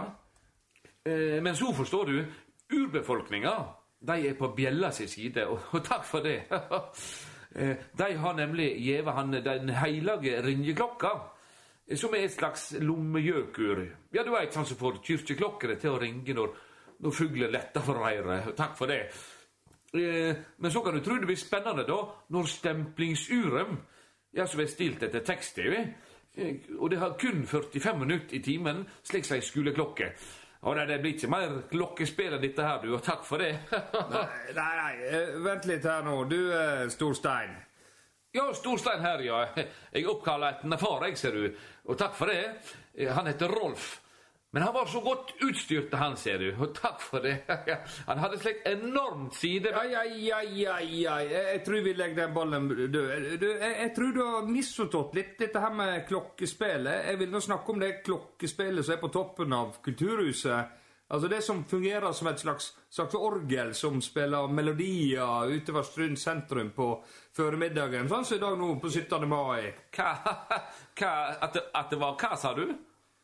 Ja, ja, I år var det jo Linda Gytre og en elev fra kulturskolen som spilte. Tidligere så var det jo alltid han Bjarne Tonning, og så er det han Bjarte Sætre som har spilt i noen år. og... Ja, ja, han Bjarte Sætre, han er nå Han er nå slett ikke noe urmaker, han. Men Ja, ja, ja. Men du, skal du springe Strynvella i år?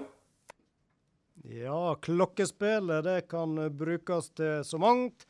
De vi hørte i innslaget her, det var Endre Bø og Kåre Tonning. Ei gruppe som har fått merke de spesielle tidene med korona, og da særlig som en brems på feiringa de har nå sett fram til i flere år, det er avgangselevene, eller russen ved Stryn videregående skole. Og Tradisjonen tru, så har de likevel laga tale til nasjonaldagen. Og her hører vi russepresident Sara Timurtas sine tanker på 17. mai. Kjære stryninger. Gratulerer så mye med dagen.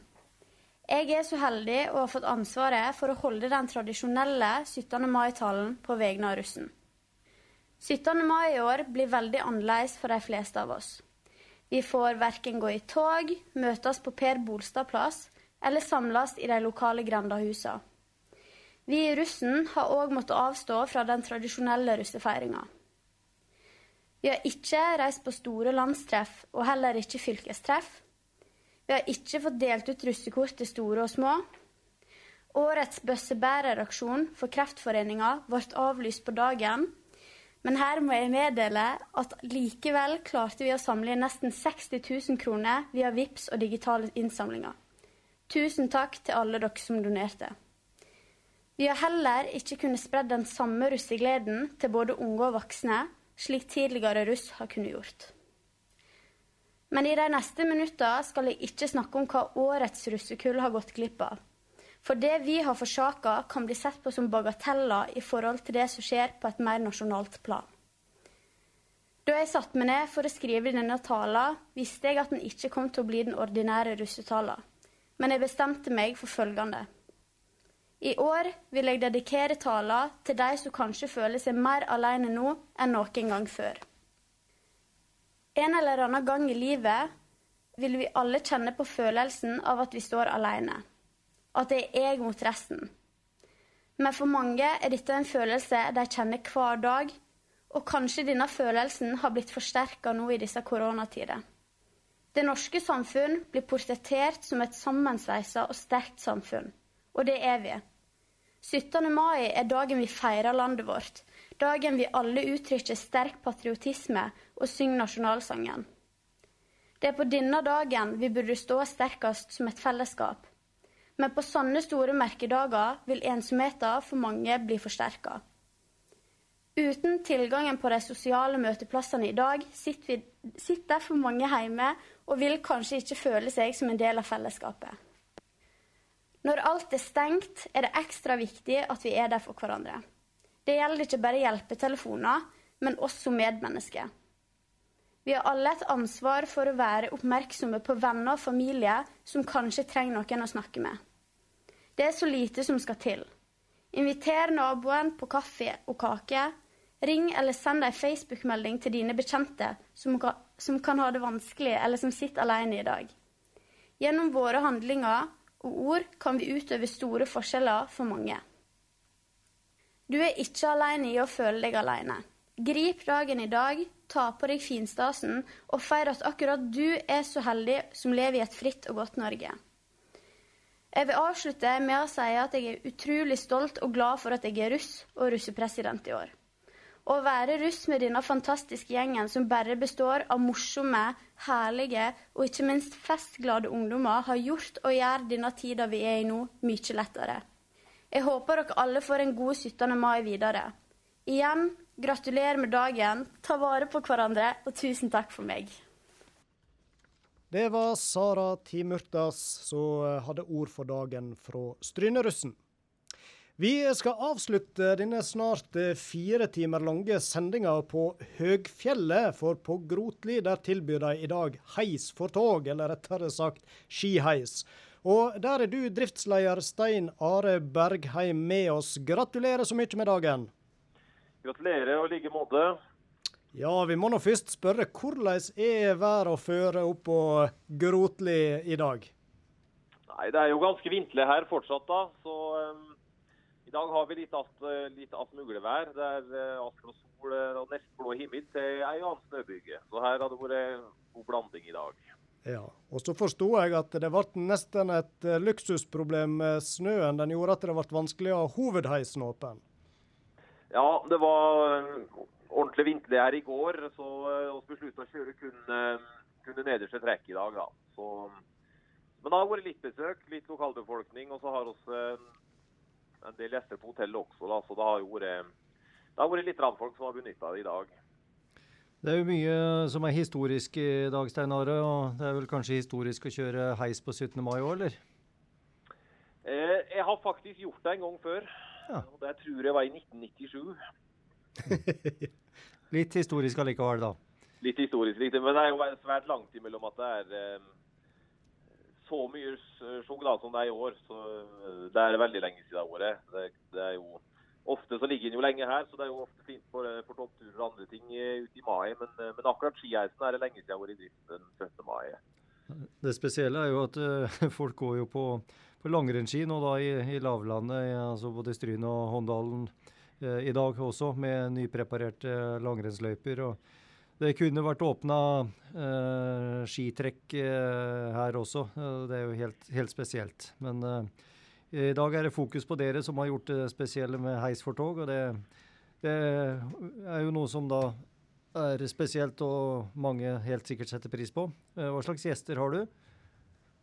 Nei, Jeg har som sagt det er litt folk fra, fra Skjåk. Og så har jeg har også litt eh, gjester på hotellet i helga som har vært gått på ski. Og en del av dem har vært stått i heisen i dag. Mm. Kan du fortelle litt hvordan eh, er 17. mai-feiring eh, på Grotli?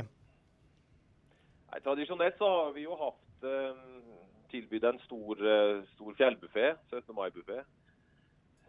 Og det er jo mange folk her fra vestsida som har vært og besøkt oss på den. I år så er det jo litt annerledes da, med situasjonen som, har, som vi har. Så, så i år, vi har bordservering. da, så Vi har ei bordsetting nå klokka to, og så er det ei nye klokka fire, og så er det ei klokka sju i kveld. Så da kommer det, kommer det en del folk da som vil til fjells etter 17. mai-middag. Mm. Er det noen som har tatt på seg bunad og pynta seg sånn òg, selv om de er på høgfjell, eller er det mer skiantrekk det går i? Nei, det er som sagt det er nok litt blanda. For dem som står på ski, de eh, har nok på seg skiklær. Det er noen eh, unger med norske flagg eh, i goglestrikken sin ute her akkurat nå. Men de som kommer på hotellet, er kanskje, der er det nok kanskje mulighet å få en bunad etterpå, ja. Det er det nok. Det er mulig min mor og far har fått på seg bunad. Jeg har ikke helt oversikt, for jeg har vært ute, vært ute i dag. Riktig. Eh, Du er jo på fjell, og Grotli er jo eh, på Strynfjellet og Strynfjellsveien. Eh, For de som lurer på åssen vær og føre er på veien, da. Kan du fortelle oss det? Ja, det er fint føre på veien. Det er bar, eh, bar veibane, og det egentlig vært, vært lenge nå. Det var jo kolonnekjøring i går, så, men da var det nok lenger inn i dalen at det var, at det var problem. Så her fra Grotli og østover i hvert fall, da, så er er det bare å kurante kjøreforhold med sommerdekk. Fra Grotli østover i hvert fall. Så må jeg spørre deg, eh, blir det åpe flere helger, tror du, i skiheisen? For eh, snø det er tydeligvis ikke mangelvare, iallfall. Nei, snø er ikke mangelvare.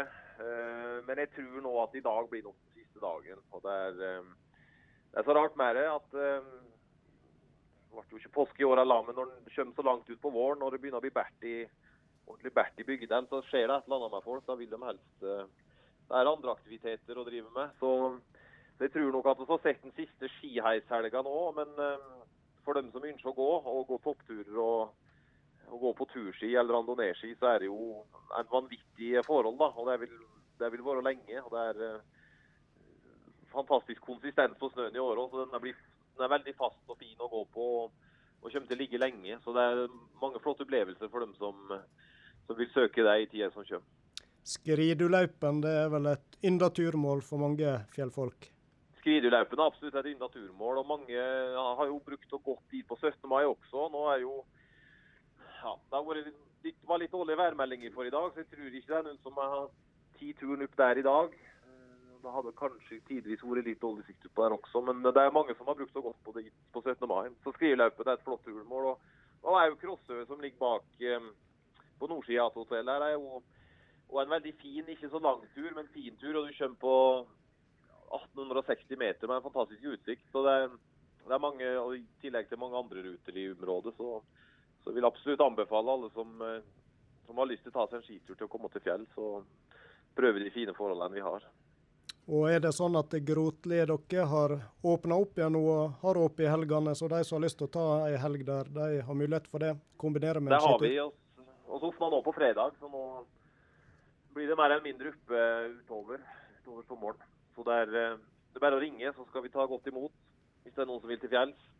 Det er godt å vite. Da eh, vil vi eh, si tusen takk til deg, Stein Are, for at du ville være med og dele litt av dere sine opplevelser av nasjonaldagsfeiringa. Og Så ønsker vi deg og skigjestene dine en fin 17. mai videre.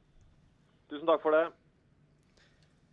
Det var Stein Are Bergheim, og da eh, Er det, er det lov å si da ga vi oss til, på, til topps?